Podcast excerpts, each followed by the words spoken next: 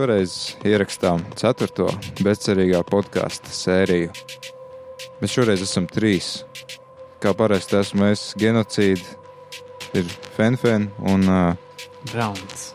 ah, Šodien ir baigi kluss.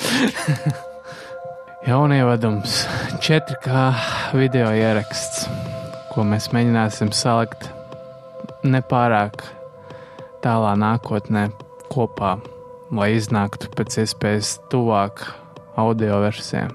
jā, būs arī YouTube kaut kad šis podkāsts tiem, kas. Uh, Varbūt tad mēs piesaistīsim cilvēkus vairāk. Un šis nav oficiālais streika podkāsts, bet nu, Neoficiālais. nelegālais. Šis nav saskaņots. Jā, mēs nemaksājam nodokļus. Viss šī tehnika ir zakta no busa, tepat nopērkot pie šīs mājas. Jo mikrofons nozaga no veikala eitīt reidi un uh, statīvs citur. Mēs vispār esam bordelī uz uh, Lienas ielas. Lienas ielas, Rīgā, Latvijā. LV10, kāds ir. 10, uh, 09 man šķiet, ka ir. Jā, Tad mēs varētu ķerties pie pirmās lietas, uh, kas ir spēlēts. Un uh, pirmā sarakstā ir spēle Rāima, kas ir uh, piedzīvojuma mīklu spēle par mazu zēnu, kas tiek izskalots uh, neapdzīvotas salas krastā. Jā, tā ir viena no tām mākslinieckajām spēlēm, tā kā uz Journey un uh, Aiko pusi. Ko es varu teikt? Ļoti skaists vizuālais stils un mūzika. Spēle, viena no tām retajām spēlēm, kur vienkārši gribas jebkuru kadru uztaisīt par screenshot, ko publicēt, Steamā. jā, piespamot. Un tad raudāja par to, ka neviens draugs nelaiko tev, bet uh, skinu prezentācijas Counter-Strike Go spēlē, kuras ir laikots desmit reizes vairāk kā tā vizuāli patīkamākie screenshoti no skaistas spēles. Būtībā spēles process sastāv no tā, ka jūs eh, skraidāt, lēkājat, rāpjaties eh, un risināt vienkārši smīklus. Pārsvarā, kur ir jānovieto priekšmetu, lai mestu ēnu speciāli kaut kādā veidā, vai jāaktivizē slēdži, bļaujot, jo tas ir viss, ko zēns īsti prot. Šī ir viena no tām spēlēm, kurā netiek pateikts pilnīgi neviens vārds, un tad uh, kaut kā iemācās komunicēt zēns ar citiem radījumiem uz salas, uh, vai nu bļaujot, vai kaut kā žestikulējot, vai palīdzot. Interesanti ir tas, ka šī spēle bez vardarbības. Piemēram, viena no sākotnējām mīklām e, priekšā ir e, zēnam e, dzeloņa cūks. Tad viņam jāaktivē kaut kāds slēdzis, un tur priekšā ceļu bloķē dzeloņa cūks. Tā vietā, lai viņas nosistu un nodīrātu ādas un uh, sev apģērbtu, uh, zēns uh, noplūc no koka augli un aiznes uh, tai cūku ģimenei, lai viņas kā pazūd no ceļa. Bičs. Un arī turpmāk spēlē, kad parādās kaut kādi pretinieki, jau kas grib nodarīt pāri zēnam, tad viņš uh, iztiek bez vardarbības. Ja viņš ir diezgan bezspēcīgs, tad viss, ko viņš var darīt, ir bēgt, slēpties ēnā. Ne, neko nespoilošu, bet ir veids, kā viņš cīnās uh, pretī, bet es par to īsti nesaucu par vardarbību. Un spēle ir sākumā relaksējoša. Var izbaudīt tos skaistos skatus, zvaigžņainās debesis, zvaigžņotās, uh, sauli jūru un uh, kalnus. Bet pēc tam jau parādās, kā minēju, kaut kādi pretinieki, un uh, sižetam ir uh, pagrieziens emocionāls uz tumšo pusi. Jau parādās kaut kādas citas emocijas, bez prieka, un uh, ziņkāris parādās jau bailes un uh, sēras. Un iespējams, pat īsti vīri spēles nobeigumā nošķiedīs kādu asaru. Vienīgā kritika, ko es spēlē varētu izteikt, ir tā, ka ir, kaut arī mīklas ir vieglas, reizēm var sanākt iesprūst, ir pamaz mājienu. Nav nekāda tā interfeisa īsti uz ekrāna, tas, ko angliski sauc par HUD. Niko laikam parādās tikai kaut kādas uh, pogu nospiešanas paziņojumi. Un kā spēlēju Switch versiju, tad, uh, tad ir vēl viens liels mīnus, ko varētu izteikt. Spēle lieto Unreal Engine 4, kas vienkārši perfekti iet kopā, jo viss kaut kāda vizuāla trika, tādas lietas, kas spēlē ļoti labi piestāv. Bet, diemžēl, ir problēmas Switch versijā ar datu ielādi, kā spēlē nav gluži zems kadru skaits, bet tas strādā ļoti saraustīti. Nespēja ielādēt. Jūs pagriežat kameru pa 180 grādiem un redzat, kā uh, norīstās tā kā ekrāns. Kas daudziem varētu būt nepieņemami, bet nu, es esmu ilgu laiku sēdējis pie datora, kam ir Pentium 4. Tā kā es zinu, ko nozīmē uz spēlēt švakiem dzelžiem, ir izstrādāta kaut kāda tolerance.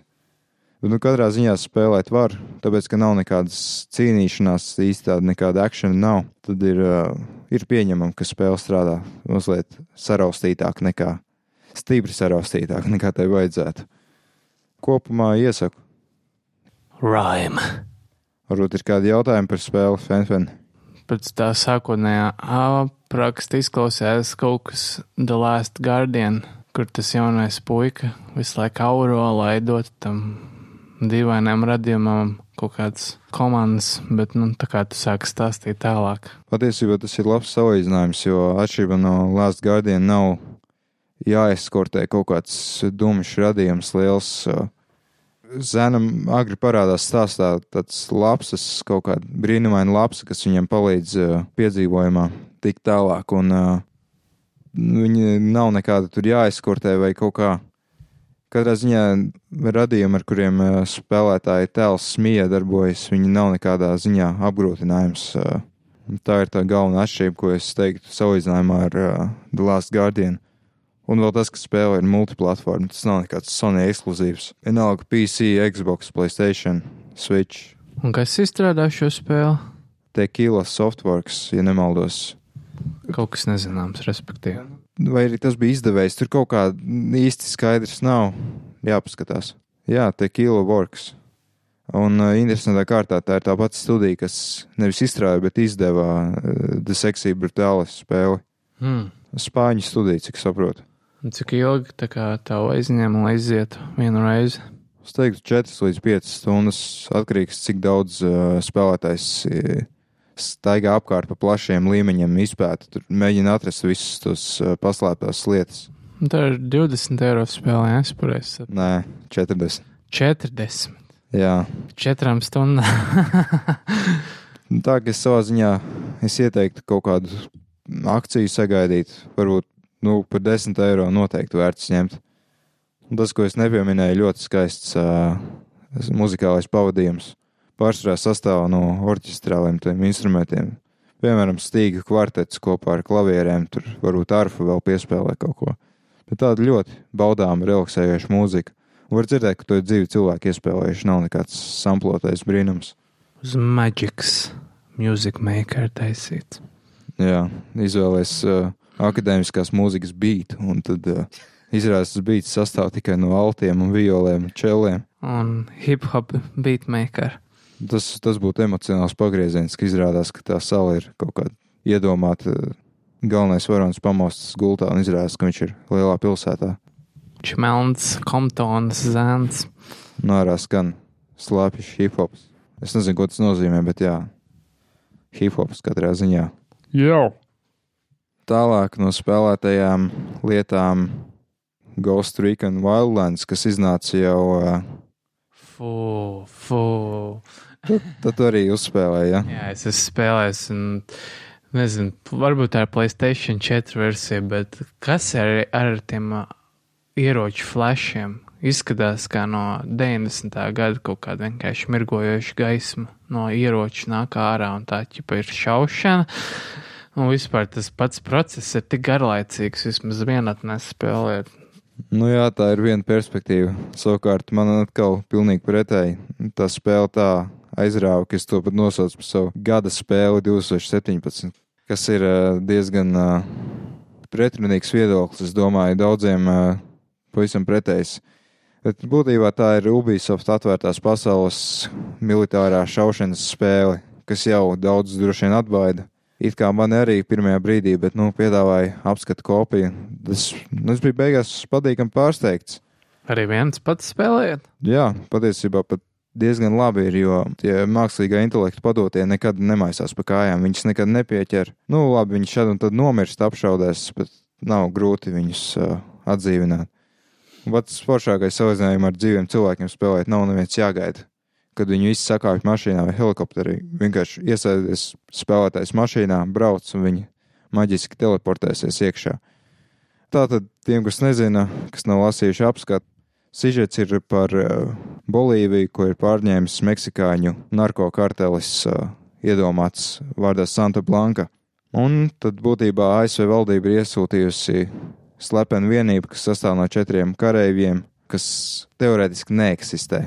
Un kā jau ASV mēdz darīt, uh, atkal iejaucas citas valsts politiskajos procesos. Galvenais varonis ir uh, vīrs vārdā Elsveņo, uh, kuram uz pieres ir īstenībā uz sejas, viņam ir uzstādīts krusts kristieši. Un tam kartelim ir dīvaina kaut kāda reliģija, ko sauc par Santa Muerte, vai arī tā bija viņa dieviete. Nu, katrā ziņā viņa pielūdz nāvi. Un uh, otrs interesantais tēls tajā visā stāstā ir Kērēna Baumena, kas ir kā, koordinātori tiem četriem militāristiem. Un varētu pat teikt, ka viņi ir kā vecis ar pupiem, jo no sievietes ļoti maz viņā palicis rakstura ziņā. Katrā ziņā, jā, viņi dod jums uh, visādus uh, uzdevumus, tur nogalināt tādu un tādu, pavērst uh, tur vienu pret otru, vai nozagt kaut ko, noklausīties sarunas. Spēle brīnumainā kārtā, kaut arī tas ir atvērtās pasaules Ubīsavs produkts, neapniek, jo ir milzīga, ļoti liela karte, ja nemaldos, 30 km2, kurā ir 21 iedomāta province, bet kas ir balstīta uz īsto Bolīviju. Līdz ar to ir ļoti liela biodiversitāte. Tas nozīmē, ir viss kaut kas sākot no tūkstošiem līdz lapu koku mežiem, skuju koku mežiem, sāls ezers. Īsumā pat mazliet žēl, ka beigās tik skaista karte plaša ir uh, izmantot vienkārši, lai šautu cilvēkus nost. Bet jau arī otru reizi spēlējot, bija interesanti izpētīt atkal to pašu, iepazīties ar uh, geogrāfiju. Ļoti labi darbi paveikuši tādā ziņā. Un tu radio toņus arī atslēdz, lai atslēgtu kārtu tālāk. Nav radiotorņi, šī ir 2017. gada Ubisoft spēle. Viņi kaut kā jau ir atteikušies no tiem radiotorņiem. Ir tā, ka vienkārši braucot vai lidojot ar helikopteru, tiek automātiski skenēta karte un uh, parādās visi jaunie uzdevumi un uh, viss kaut kas Bet jā, ir interesanti, jo katrā no 21 provincēm ir kaut kas interesants, ko darīt. Citādāk, nedaudz uzdevumi. Jāsavāc vis kaut kādi dosie ar slepenu informāciju, lai atslēgtu jaunus eh, uzdevumus. Un ir jautri, kā jau teicu, arī vienam spēlējot, jo mākslīgā intelekta padotie nekad nemaisās pa kājām, un viņi vienmēr trāpa, ja lieto sinkšot iespēju. Bet varētu būt superīgi arī co-op ar trīs cilvēkiem. Es domāju, tas varētu būt ļoti jautri, ja jums ir īstie cilvēki. Uh, Trīs kopijas. jā, bet tagad tā spēle, vismaz uz Playstation 4 maksā, skatījos video games 33 eiro. Un tur nav vajadzīgs PSN. Plus. Protams, ka ir. Tas, tas gan ir mīnus, jā.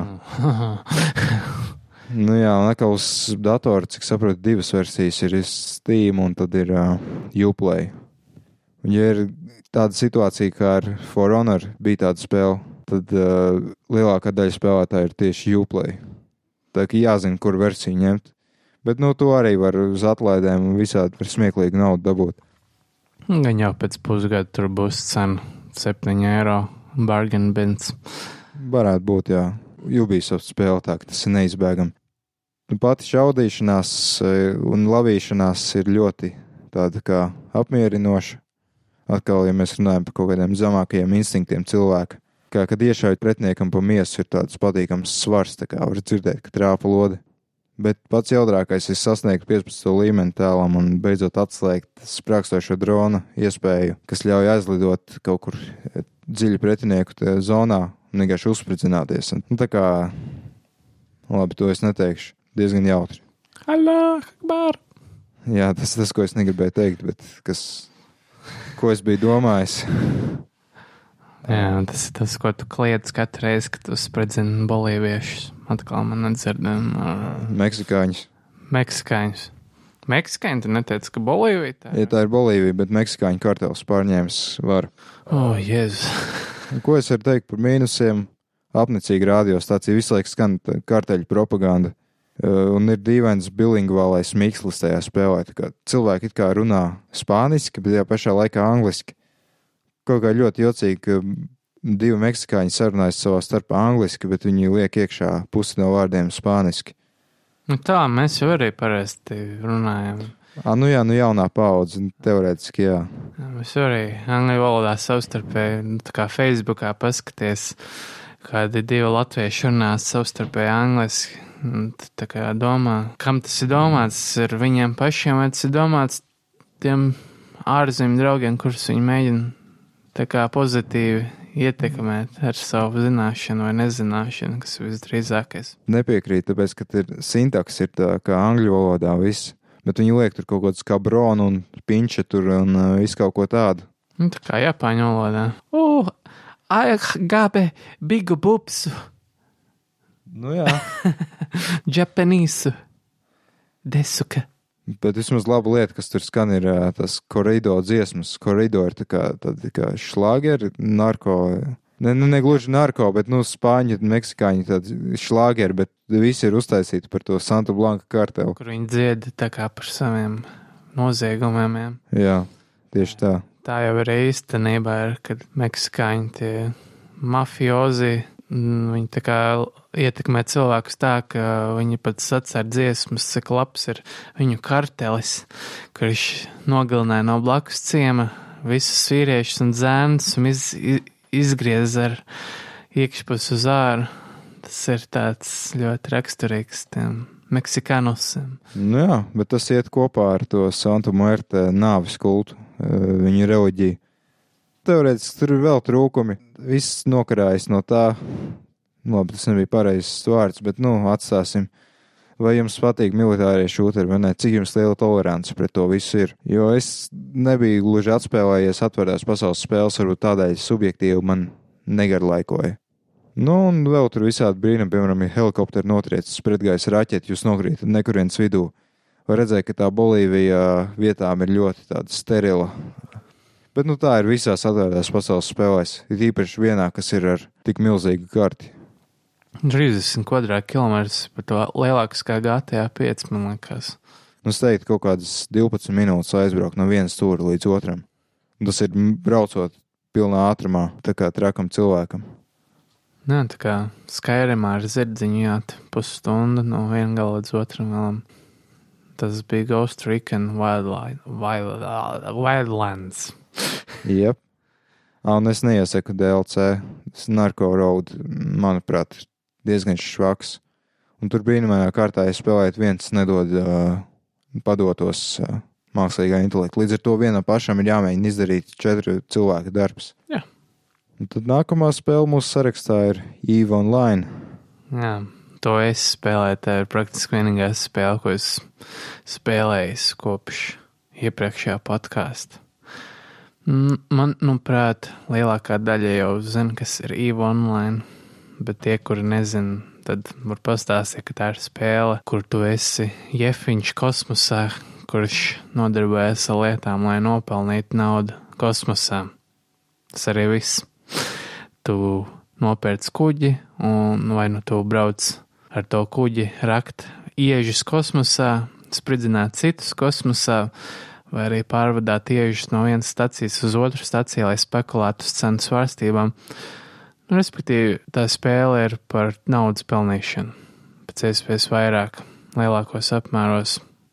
Jā, un mēs īvu online spēlēju jau, negribu samalot, tad vismaz sešus gadus, un tā kā es pārsvarā nodarbojos ar iežu rakšanu, jo esmu jefiņš, kuram nepatīk sēdēt pie datora, tāpēc es uzlieku rakt iežus, un pēc pusstundas atnāk atpakaļ un aizved tos iežus un pārdod. Jā, bet nu, pēdējā laikā tā kā CCP, nesajaut ar SSR, jā, e, kas ir islandiešu spēļu izstrādātais. Viņi tā kā ir, manuprāt, izvēlējušies diezgan sūdīgu ceļu, kā attīstīt naudas pelnīšanu. Nu, nevis tā kā virtuālās naudas pelnīšanu, bet naudas pelnīšanu sev, tā kā izstrādātājiem. Viņi ir tā kā ieviesoši free to play modeli spēlē, kas ir kaut kas jauns. Nekad Viva nav bijis free to play, un ieviesuši tādu lietu kā alfa state un omega state, jeb alfa klonu un omega klonu, kur omega klons var iemācīties spējas daudz vairāk kā alfa klons, teiksim. es nevaru izmantot krutākos kuģus, ja es nemaksāju naudu. Kas arī ir godīgi attiecībā, bet tad liek domāt, priekš kam tad ir bezmaksas versija domāt šajā spēlē. Priekš kam? Tā kā. Tad man izklausās, ka tu runā citā valodā. Es neko nesaprotu. nu jā, tas tā kā ir free to play un ir pay to play. Un, ja tu maksā, tad tu vari uzskačāt vairāk skills, un jo tu vairāk skills uzskačā, jo ar krūtākiem kuģiem tu vari lidot. Tad tas ir tas MMORPG žanrs. Jā, tas ir vairāk kā MMORPG, Space Sims, nu, visāds tur fusions starp visādiem žanriem. Jā, un tā kā CCP ļoti tagad iet uz naudas pelnīšanu, viņi ieviesuši tā kā uh, skillu boosterus, kas ātrāk ļauj attīstīt skills, bet tas ir tikai alfa kloniem. Bezmaksas spēlētājiem. Maksas spēlētājs nevar izmantot, jo viņš jau pamatā pelna skill pointus ātrāk. Ah, nu, kā, kāpēc tas ir svarīgi? Jo skill nav iespējams nu, labu skilu uzskačāt vienā dienā, tur vajadzīgs 3, 4, pat 38 dienas, lai uzskačātu vienu skilu. Un tad bieži vien tev paiet divi mēneši, lai turētu izmantot kaut kādu kuģi. Tāpēc tas ir ļoti svarīgi ātrāk uzskačāt to skilu. Un tas ir pieejams tikai alfa kloniem. Un tas ir 5 eiro par vienu boosterīti vai 4 boosteriem. Katrā ziņā tas iegūms ir diezgan minimāls. Un iepriekš tā kā varēja pelnīt naudu iekšā spēles un ar to naudu pirkt savu abonementu. Tagad tas vairs nav tik ļoti iespējams, jo viņi ir ieviesuši tādas izmaiņas spēlē, kas ārkārtīgi samazina pleks vērtību. Tā kā pleks, 500 pleks ļauj nopirkt vienu mēnešu abonementu šajā spēlē, un viens pleks tagad maksā 500 miljonus spēles naudiņas, kas ir diezgan maz salīdzinot ar kādu, cik tas kādreiz bija vērts. Tāpēc nu, tas nav vairs tik izdevīgi vispār nodarboties ar pleksu pirkšanu īstajā pasaulē un pārdošanu. Bet nu labi, īva online ir mainījies, lai arī nevienam tas neinteresē. tas ir viss, ko es spēlēju. Cik daudz aptuveni naudas es iztērēju spēlē? Tikai abonementiem. Es neesmu neko citu vispār pircis šajā spēlē. Hmm. Es zinu, ka ir cilvēki, kur pērk tos pleks, kas maksā, ja nemaldos, maksā 5 eiro par kaut kādu tur mazu pleksu apjomu, bet ne tādu apjomu, lai varētu nopirkt kādu abonementu. Lai nopirkt kādu abonementu, jāsamaksā 20 eiro, bet abonements maksā pats par sevi 12 eiro mēnesī. Tāpēc pleksu vērtība ir būtiski kritusies, bet, nu, tas ir, tas esmu es. Varbūt kāds grib uzspēlēt vai kāds spēlē. Īva, varbūt var atstāt savus domas komentāros, streika lapā vai arī YouTube lapā. Subscribe! Hit that like button! Jā, un, un, un, un pastāstīt, kā tu jūties par izmaiņām Īva online pēdējos divos, trīs gados. Man liekas, ka neviens neko nerakstīs, ja vien mēs kaut kādu balvu nedosim. Nu, es nevaru piedāvāt nekādu saistām balvu. Nu, es arī ne tā, ka. jo, jo Jā, Eve ir nišas produkts. Man tāds sajūta. Nē, tur ir 20,000 spēlētāji pastāvīgi, bet tas ir nišas produkts vēl aizvien. Ik pa laikam parādās games par to, wow, tur kāds uzspridināja 5 miljardus vērtu kuģi, wow, wow, 2000 dolāru īstajā dzīvē, bet nu, ko izdarīs? Visiem interesē tikai nauda. Nevienam neinteresē fanfans, kurš spēlē Eve.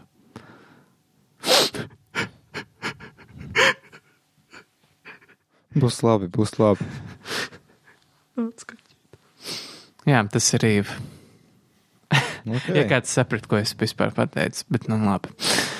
Nu, es kādreiz viņai nesapratu. es parunāšu tāpēc par to, ko es saprotu. Resident Evil Revelations 2. Beidzot arī to uzspēlēju. Tikai vakar beidzot izgāju. Tiem, kas nezina, tas ir horror šūteris, piedzīvojums spēle kas ir sadalīta pa sērijām, tas, ko daudz sauc par epizodēm. Šī ir tāda relaksētāka Resident Evil daļa. Ja salīdzinām to, piemēram, ar 5 un 6, nu, 6 bija drausmīgs, draņķis. Katrā ziņā mazāk sprādzienu, mazāk setpīsu.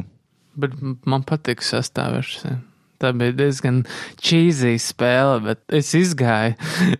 Oho. Es atceros, es laikam tikai to Leonu kampēnu izgāju. Es izgāju visus, kur ir tas spēle, nu tā kā stāstījis ir sūdīgs un ļoti varējies starp ļoti sūdīgu un mazāk sūdīgu, bet tāpat bet smieklīgi tas Japāņu skatījums uz to Holivudu grāvēju, Holivudas grāvējiem. Mm. Diezgan tāds amizants.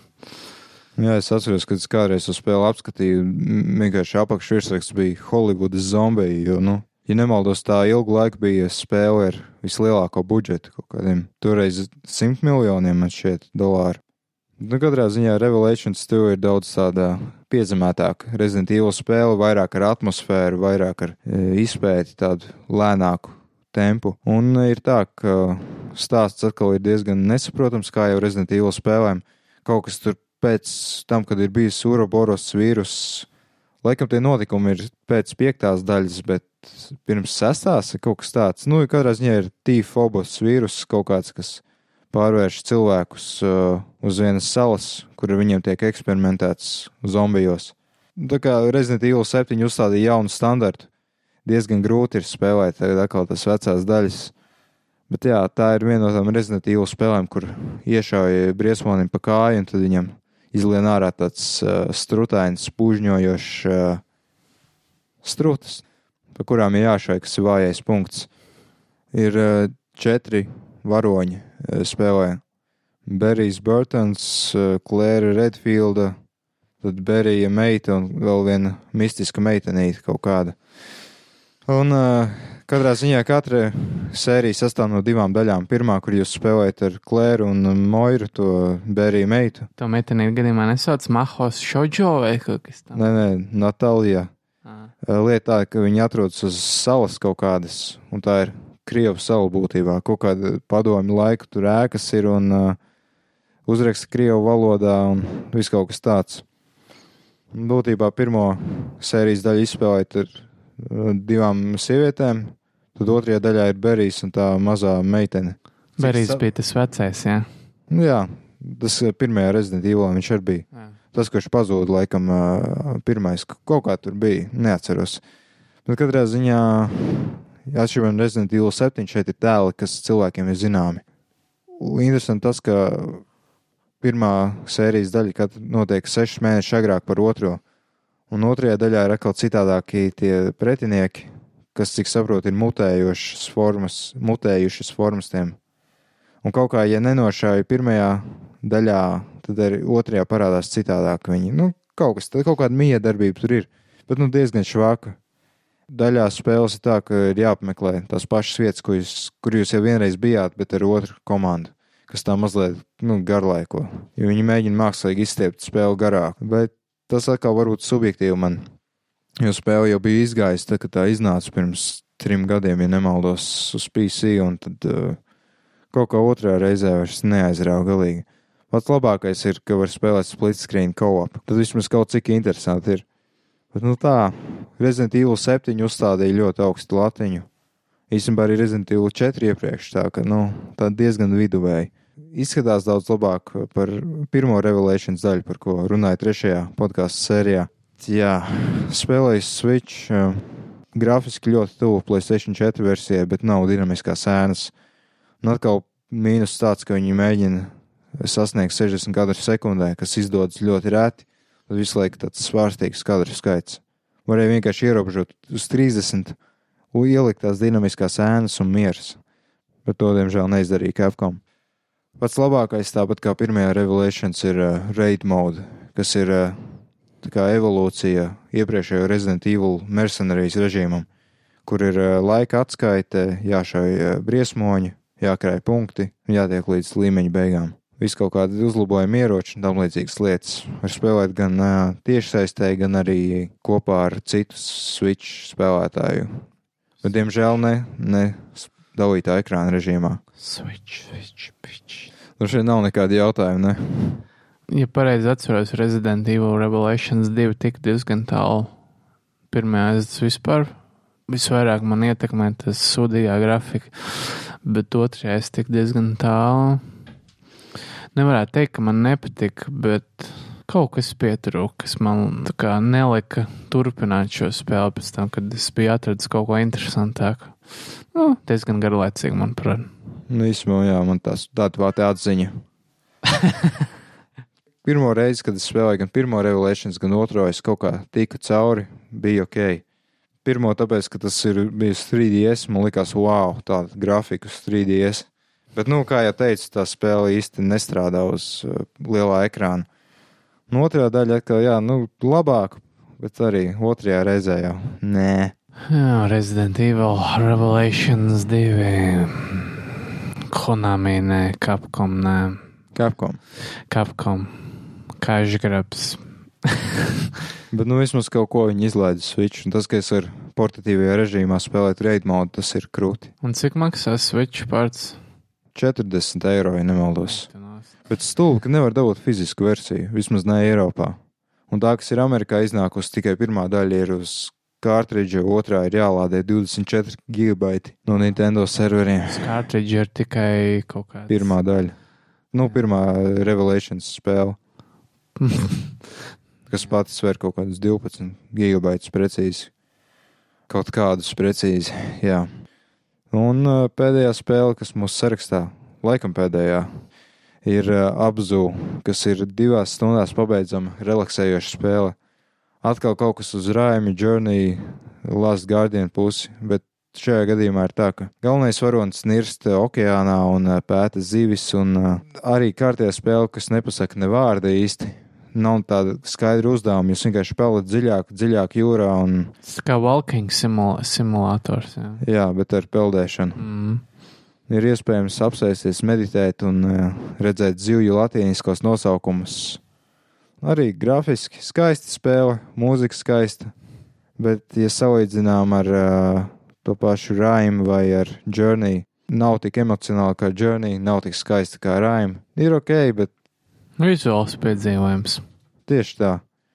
Ir interesanti efekti, piemēram, ka jūs peldat ūdenī, bet ūdens sastāv no divām kārtām. Es pat nemāku īsti paskaidrot. Iedomājieties, ir augšā ir debesis, gaiss, tad ir viens slānis, kur jūs kā peldat ūdenī, un tad ir vēl viens slānis ūdens, kas ir vēl arī ar viļņiem saviem, kas ir zemāk tajā.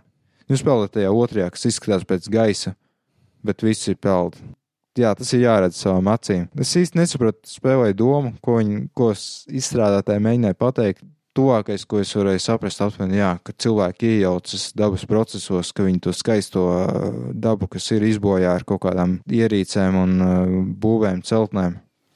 Tur vēlāk parādās arī kaut kādi nedaudz kā action elementi, ka ir ūdenī ir mīnas un no tām ir jāizvairās, bet tās mīnas ir tādās piramīdu, apgriezti piramīdu formā. Nu jā, un es nespoilošu, kas tur notiek. Iegādājos par 10 eiro jaunu uz Playstation 4. Un tā ir viena no tām retajām indijas spēlēm, kas iznāca fiziski. Un jau tagad, ja jūs vēlaties to spēli nopirkt, tad sākot ar 20 eiro. eBayā es vispār redzēju kaut kur pāri 50, pat tā ka varētu būt, ka tā būs kolekcionāra spēle. Jā, un tas jau laikam ir tas, kāpēc tu iegādājies. Jā, bija viens tāds periods, tā ka varētu būt. tas ir apzū spēle par Peldēšana. šprotēm. Jā. Nu tā, nu labi, es mazliet samaloju. Es bez EVE online šonadēļ vēl spēlēju Bada. Steins Gate. Steins Gate Zero, jeb Absolute Zero, kā tas ir pazīstams Japānā. Tad tas ir, cik saprotu, prequels uh, pirmajai daļai. Nu, tā kā skaties, tā kā pirmā spēle ir par jaunu jaunietu, kurš iespējams mācās vai arī nemācās Tokijas Genki universitātē un kaut kādu zinātni. Uh, viņu sauc draugi par Okarinu. Viņš ir diezgan muļķīgs. Uh, vidusskolu vai pat pamatskolu nepāraudzis. Nu, 20 somethings. Kurš tā kā atklāja to, ka ir ceļošana laikā. Un tā ir iespējama, un tā ir iespējama ar mikroviļņu mašīnu, mikroviļņu krāstu un pāris privām basēm, ko pieslēdz. Tā kā es negribu spoilot arī pirmo daļu, kaut arī es runāju par otro, bet, nu, viņš nonāk pie secinājuma, ka viss ir slikti. Ceļot laikā tas visu padara tikai sliktāk. Gan viņam, gan viņa draugiem. Tāpēc pirmās spēles sākumā viņš tā kā nokļūst paralēlajā universā. Aptuveni tajā pašā laikā, kad sākās pirmā spēle, bet šajā universā nekas nav noticis, kas notika pirmajā spēlē. To zina tikai viņš, kas notika pirmajā spēlē. Visi pārējie eksistē tā, it kā nekas nebūtu noticis. Un, un, un, un, un tā kā viņš ir izgājis cauri nu, diezgan lielam emocionālam šokam, viņš ir pilnīgi diametrāli pretējs personībā kāds viņš bija iepriekšējā spēlē. Viņš ir drūms, mazliet depresīvs, vispār ciest nevar cilvēks, kuri joko vai smējās un pārdzīvo par nu, zaudējumiem. Es pirmajā spēlē nevarēju ciest viņu, viņš tāds āksts vienkārši. Nu, otrajā spēlē viņš daudz nopietnāks, klusāks, mazāk izsaka piezīmes, vispār no nu, viņam nav tas čunibio kā Japāņu valodā. Šūni bija kaut kā bija, jā. jā kā Japāņu valodā sauc tos pamatskolas vecumu nepāraugušo eh, puisi, kurš tā kā domā, ka viss ir anime, action, roboti, maģija un citi krāmi. Šoreiz viņš pilnīgi vispār nekas nav no tā cilvēka, kas viņš bija. Viņš tā kā mēģina dzīvot jaunu dzīvi, vispār neizmantojot ceļošanu laikā, lai nenogalinātu savus draugus, vai tas mazliet spoilē, bet, nu, tas ir tā kā, tas pamat premisa jaunajā spēlē. Nu, jā, tāpēc vērtējiet, kā to var vērtēt. Es nezinu, tas ir prīkvels, sīkvels, pat īsti nesanāk neviens ne otrs. Nu, jā, ja tu ceļo laikā, tad īsti nevar tā nodefinēt. Alternat, alternatīvā versija. Nu, tā to var vērtēt. Tā kā Jā, nu es izspēlēju divas stundas. Nu, var teikt, ka pagaidām ar time travel ceļošanu laikā nekas nav bijis, bet ir jauns twists šajā spēlē. Kā, nu, es laikam nespēlēju īpaši, bet šeit laikam vairāk ir ar mākslīgo intelektu. O, izklausās labi. Jā, tā kā Es neesmu diezgan tālu ticis, tāpēc nevaru teikt, par ko īsti būs, bet, nu, mākslīgais intelekts izklausās daudz sološi. Varbūt, ja es nebūšu slinks, uzrakstīšu apskatu. Vispirms jau kā mīja uzrakstīt apskatu. Jā, tas arī jāmēģina kaut kā beidzot pieķerties. Nu, kaut vai caur, nu, to vietu, bet vismaz. Jā. Tāpat Capcom nelasīs to apskatu. Tā, ka... Jā, jāuzraksta kaut kas, kaut kas kā sagatavot šprocmais. es atceros, kad es uzrakstīju Resident Evil 7 apskatu, man uh, teica, ka izskatās labi. Ne, izskatās lieliski apskats, tā ka pat īsti ne, ne saturs, ne, ne tas tulkojums, ko es iedevu, tas uh, kopsavilkumu, bet nu vienkārši tas, ka izskatās labi. Tas, tas būtu laikam galvenais. Nu, galvenais, ka tu novērtē labi. Pēc, ka vajag sagriezt maizi, tad vajag izņemt šprotus no šprota iepakojuma, bet gal galā Okami HD ir diezgan laba spēle. Es domāju, ka. Jā, tā varētu noformulēt. Un... es aizsūtīšu viņa tulkojumu, būs labi. Būs labi. Un kas, kādā valodā viņi runā? Tie PR cilvēki. Mēs angliski sarunājamies. Bet viņi ir vispār no kurienes? Nē, nu, es caur starpnieku, tā kā mūsu igauņu. Jā, nu skaidrs. Nu, es mēģināju runāt viņu igauniski, bet viņš tā baigi negrib. Igauniem nepatīk, ka ar viņiem runā igauniski ārzemnieki. Viņam liekas, kāpēc tu mācies? Mēs esam viens miljons tikai kāda jēga tur. Jā, tāpat kā latviešiem, kā atnāk Krievs. Ne, pat ne, nemēģina te latviešu runāt, viņš jau sāk vāvaļot savā Eh, savā aizkaukāza, aizurālu akcentā, kur pat krievi šeit nesaprot. nu jā, savukārt aizbrauc uz Skandināviju, tur tālāk tur gan cilvēki novērtē, ka tu proti viņu valodu. Un, jā. jā, bet tāpat viss tur runā angliski, tur nav problēmas. Jā. Viņiem ir tas liberālisms jau kaut kādās vairākās paudzēs iegājies, ko nevarētu teikt par Latviju, ko es arī saprotot visu, kas ir noticis ar Latviju, es īpaši tā kā negribu nosodīt attieksmi pret ārzemniekiem. nu jā, tas bija par to, kas ir spēlēts, un vēl šādi tādas piezīmes no mūsu puses. Un tad uh, nākamā sadaļa, protams, kā parasti podkāstā ir ziņas. Ziņas. Ziņas. Jā, es nezināju īsti, par ko rakstīt. Godīgi sakot, es nespēju izsekot līdzi visām tām ziņām. Nezinu, vai arī gribu. Notika visādi sūdi. Jūs varat izlasīt internetā. Jā, bet kaut kas mums ir pierakstīts, par ko varētu parunāt. Piemēram, pirmais ir Nintendo Direct Mini. Uh, starp citu, bija milzīgs tracis. Es nezinu, vai tu dzirdēji. Pat internetā uh, Nintendo ieliks savā Twitterī kaut kādu to mēmi, kā, es nezinu, kā to latviešu sauc. Un, nu jā, viņi jau iepriekš bija devuši mājiņu, ka 11. janvārī kaut kas būs.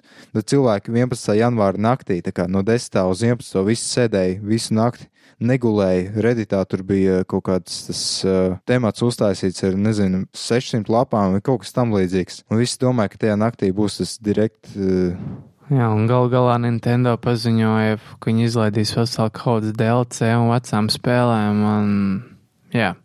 Nu, katrā ziņā viņi parādīja kaut kādu degošu to amībo, un tad jā, tas kļuva par kaut kādu to uz īsu brīdi par mēmi, un tur viss Bethesda un citi vēl arī savas versijas publicēja Twitterī.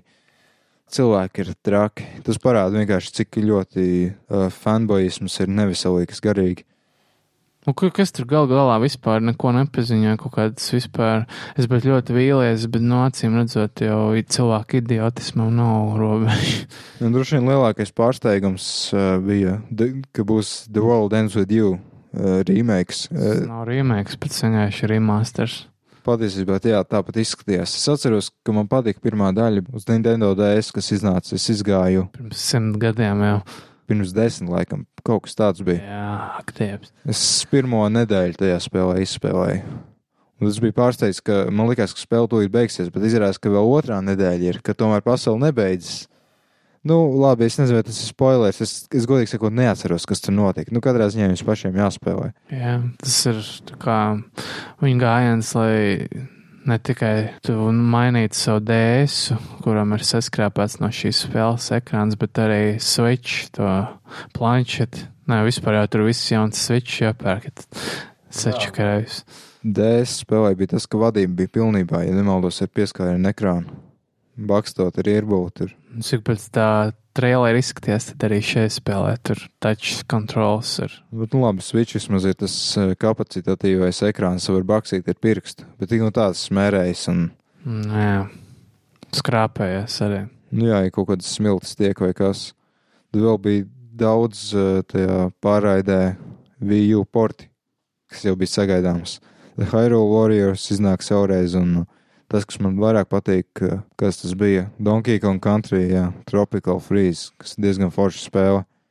Būtu forši Switch uzspēlēt pilnā HD izšķirtspējā šoreiz. Kas vēl bija, nu, viss kaut kāda DLC iznāks. Mario plus Rabits izskatījās interesants, tas ir Donkey Kong stāstu papildinājums. Super Mario Odyssey tiks pie bezmaksas režīma, kur baloni jāmeklē, tas tiešsaistes. Pokēna tournament. Es nezinu, kam tas interesē, bet tas tiks pie maksas DLC. Nu jā, bija tā EA Games indie spēle Fe. Zels. Kas izskatījās mazliet pēc uh, okamīgi, godīgi sakot. Tev tā nelikās? Jā, bija mazliet. Tas, kas man nepatīk, tur bija minēts, ka būs uh, motion controls, kas, nu, nav laba ideja. Kāpēc viņi to dara, nezinu. Uh, no jaunām spēlēm Kirby būs. Es nekad neesmu nevienu Kirby spēli spēlējis, tā ka grūti teikt, bet izskatījās labi. Un uh, jauna Mario tenisa spēle ar stāstu režīmu. Es gan gaidīju basketbalu spēli. Man patīk Mario basketbalu spēles DS. Jā, man arī starp citu atceros, spēlēja bija forši. Bet arī pieskārienu ekrāns pilnībā, ja nemaldos. Bet tā bija spēle, kuru es gaidīju toreiz. Nespēju saprast, kā es varēju gaidīt Mario spēli. Tas varētu būt interesanti. Droši vien, ka nemaksās 60 eiro, es pieļauju. Gan jau kādi 70. Labi, nē. Nu, tas tikai Elkorā. nu, un 7 mīnus PVN. Tas ir bez PVN droši vien pat. nu jā, un uh, Dark Souls remaster tika izziņots. Prieks, ka Bandai Namco arī kaut ko Switch sāk nopietnāk taisīt, bet nu atkal kārtējies remasters. Iznāks 25. maijā 1080p 60 uz lielajām konsolēm PC, 1080p 30 uz Switch, kas arī nav slikti. Kas arī nav slikti, ja viņi var noturēt to kadru skaitu. Es domāju, ka varēs tur. Tas ir Dark Souls. Nu. Man tā ir veca spēle, bet nu, zinot, cik labi tagad tiek optimizētas spēles. Un tas bija Nintendo Direct Mini. Kā mēs aizmirsām ar IS, IS 8 pastāstīt? Jā, man liekas, nelikās svarīgi. Bet, bet nu, Un es, Payday 2 uz beidzot uz Switch, kā es to gaidīju. bet mēs jau zinājām, ka būs pēdējais Switch. Viņi tagad tikai paziņoja beidzot datumu. Jā. Viņiem vēl pietrūks vēl izlaist uz Androidiem un Apple telefoniem. Nu, kas tur vēl bija labs? Nu, Waifu Fightings kaut kāds. SNK, Heroines, Tag Team Frenzy, Nu, Un, citu, XD, bitch. un to izdos NAS Amerika. Tā ka beidzot viņi arī sāka Switch ņemt vērā. Tas ir viens no labākajiem izdevējiem, ja jums ir Vita. Tieši tas NIS Amerika. Nu jā, tas īsts astoņi ir kaut kāds action RPG. Mm, es nekad neesmu spēlējis, bet izskatījās labi. Man patīk. Nē, grafiski gan izskatās kā no ai- aizpagājušā gadsimta. Nu jā. Es domāju, tur Switch un PS4 versija būs vienāda aptuveni. Jā, tas laikam ir Nintendo Direct Mini. Tālāk, kas vēl labs, runāja par hakošanas jaunumiem. Goblin. Tas, ko es uzrakstīju, dažādas hakeru komandas ņem priekšā Switch. The Fail Overflow izziņo, ka viņiem ir kaut kāds cold, blue, cold boot exploits. Tas nozīmē, ka jau ieslēdzot konsoli, jūs jau palaižat to haku, kas ir diezgan nopietni. Tad vēl tika izdots Homebrew launchers. Tas pagaidām, nu, to nevar īsti nosaukt par Homebrew launcher, tas ir tikai grafiskais interfejs. Mums ir jāgaida, kad beidzot būs normāls haks, un tad arī varēs. Bet, nu, būtībā, ja jums ir Switch, vienalga, ah, un vēl Team Executor, kas pazīstami kā Xbox modžipu ražotāji, viņiem laikam būs kaut kāds hard mods, tā saucamais, kas ir jālodē. Kaut kas būs jāmaina Switchā, lai varētu palaist. Bet tas strādās uz visām programmatūras versijām, un tur galvenais, eh, protams, ir pirātisms, palaist pirātiskās versijas. Switch nav pat gadu iznācis, un jau ir tā drošība kompromitēta vairāk vai mazāk. Nu Jā, padarot sliktāku dzīvi visiem mums pārējiem. Nu, ja vien jūs nesat pirāti. Ja viņi jūs nesat pirāti. Tāpat arī Playstation 4 tika uzlausta, bet programmatūras versija 4.05, kas, ja vien jums nav ne, neatpakots Playstation 4 Slim vai Pro, ko jūs nopirkāt pagājušo gadu, tad jums visticamāk jau sen ir pārtei versija, un jūs nevarat. Būtībā, ko var izdarīt, tagad jau ar Linuxu palaist, var atslēgt debug menu, kur visu kaut kādas opcijas var ieslēgt. FTP var pieslēgties klāt, piekļūt cietā diska saturam, kas jau ir kā atšifrēts vaļā. Jūs būtībā redzat visus failus bez šifrēšanas, kas ir forši. Katrā ziņā Playstation 4 arī ir uzhakota, bet tikai tad, ja jums ir pietiekami veca programmatūras versija. Un man patīk uzhakot konsoles tā iemesla dēļ, ka jūs varat no savas ierīces iegūt vairāk nekā tas ražotājs oficiāli piedāvā. Jā, bet kāpēc? Nu, tagad tas varbūt nav tik aktuāli, visiem ir datori un tam līdzīgi. Tieši Bet, tā. bet Nintendo DS laikos uh, un Vīja laikos daudziem nebija mediju player tam līdzīgi. To varēja uz Vīja varēja M-player palaist visādus emulatorus. Nintendo DS var izmantot kā plaukstdatoru, ja atceraties, kas tie tādi ir. Es kaut kad biju uzrakstījis PDA. tieši tā pēdējā, un tā nav nekāda slimība vai kas. Kaut kad sen uzrakstīju par to rakstu Strike LV žurnāla sadaļā. Būtībā, jā, baigi forši, ka var uzhakot un iegūt vairāk. Hakošana, jā, man patīk. Citiem nepatīk. Man nepatīk. Jo tas ir čakars, nevis tāpēc, ka man nav iespējas. Nu jā, tu jau zini, kā ar VU bija, ka tur Jā. Tā, kad tu palaidi, palaidi šo, pārlūk un tad, palaidi spēli, kur varbūt nemaz nestrādās normāli. Vai arī pusē gadiem neaiziet un tad vēlreiz jāmēģina cerībā, ka nostrādās. Nu tā ir, jā. Free games. Nākamais jaunums. Uh, Nvidia izrāda 65 colu 120 Hz 4K monitorus. Būtībā viņi grib uh, parādīt, ka nav vajadzīgas konsoles, lai spēlētu viesistabā, bet jau tāpat uz parastu televizoru ar to var darīt. Un, un šiem pats interesantākais par ekrāniem ir tas, ka to sauc par BFGD. Ja esat spēlējuši dūmu, jūs zināsiet, kas ir BFG. No ekrānam G-Sync, kas noteikti uzliek cenu klāt nenormālu. HDR ir, bet nebūs HDMI 2.1 standarts, kas ir baigs stulbi. Jo caur to standartu varēs izmantot to pašu G-Sync līdzīgu tehniku, bet bez nekādiem patentētiem vai mākslas licencētiem brīnumiem. Tā kā, piemēram, ja jūs skatāties monitors, ir monitori ar FreeSync, kas ir AMD standarts un Intelam arī tagad laikam, un Xbox One X. Un tad ir G-Sync, un tie G-Sync ekrāni ir nenormāli dārgi. Tāpēc, ka Nvidia prasa vienkārši maksāt licenci. Nu, kā jau viss ar Nvidia, tagad pārāk augsta cena ir uzskrūvēta. Un tāds ekrāns, kā tas ir uh, 120 Hz HDR un tā tālāk, droši vien maksās kaut kādus 3000. Es redzēju kaut kādu monitoru, ne monitoru, televizoru par 18,000 Latvijā veikalā. Nebija kaut kāds šitais dāņu, kaut kāds. Es nezinu, 66 colu kaut kāds 4K monitors. Samsung, man liekas, tas pat bija kaut kāds sviests, kā ar tik dārgu. Kurš pērk tādas lietas? Sāksim jau ar to. nu, bagāti krāni, kuriem nav kur naudu likt. Ļoti bagāti krāni. Viņiem ir tik daudz naudas, ka viņi nezina, nu, viņiem īstenībā vienalga. Viņi, bet, nu, protams, pērkot par 800 tūkstošiem, viņi, kā jau bagātieki, viņi paprasa atlaidīt tur, un, jo citādi bagātnieki neiepērks veikalos, viņi vienmēr prasa atlaidi, kaut arī viņiem naudas tik daudz ir. Nu, galvenais ir ietaupīt tos 5 eiro, lai varētu nopirkt prezervatīvus un apauguļot, neapauguļot dāmu mājās. Nu, es domāju, viņiem ir vienalga, viņi vienkārši bez aizsardzības. Jo ne jau viņi paliks stāvoklī, tie biezie, bet tā. Dāma. Jā. Un tad ir AMD un Intel jaunam. AMD izlaidīs Ryzen 2 procesorus aprīlī jau, kas ir vēl ātrāki un karstāki un nebīstamāki. Nu, es tagad neteiktu, pēc tā, kas uh, atklājās par Intel, par Meltdown un Spectre. Jā, bet tas jau ir tā, bet tas, ka tu uzsprāgst sežot pie datora, man liekas, tās briesmas ir lielākas kā Meltdowns un Intel ievainojamības.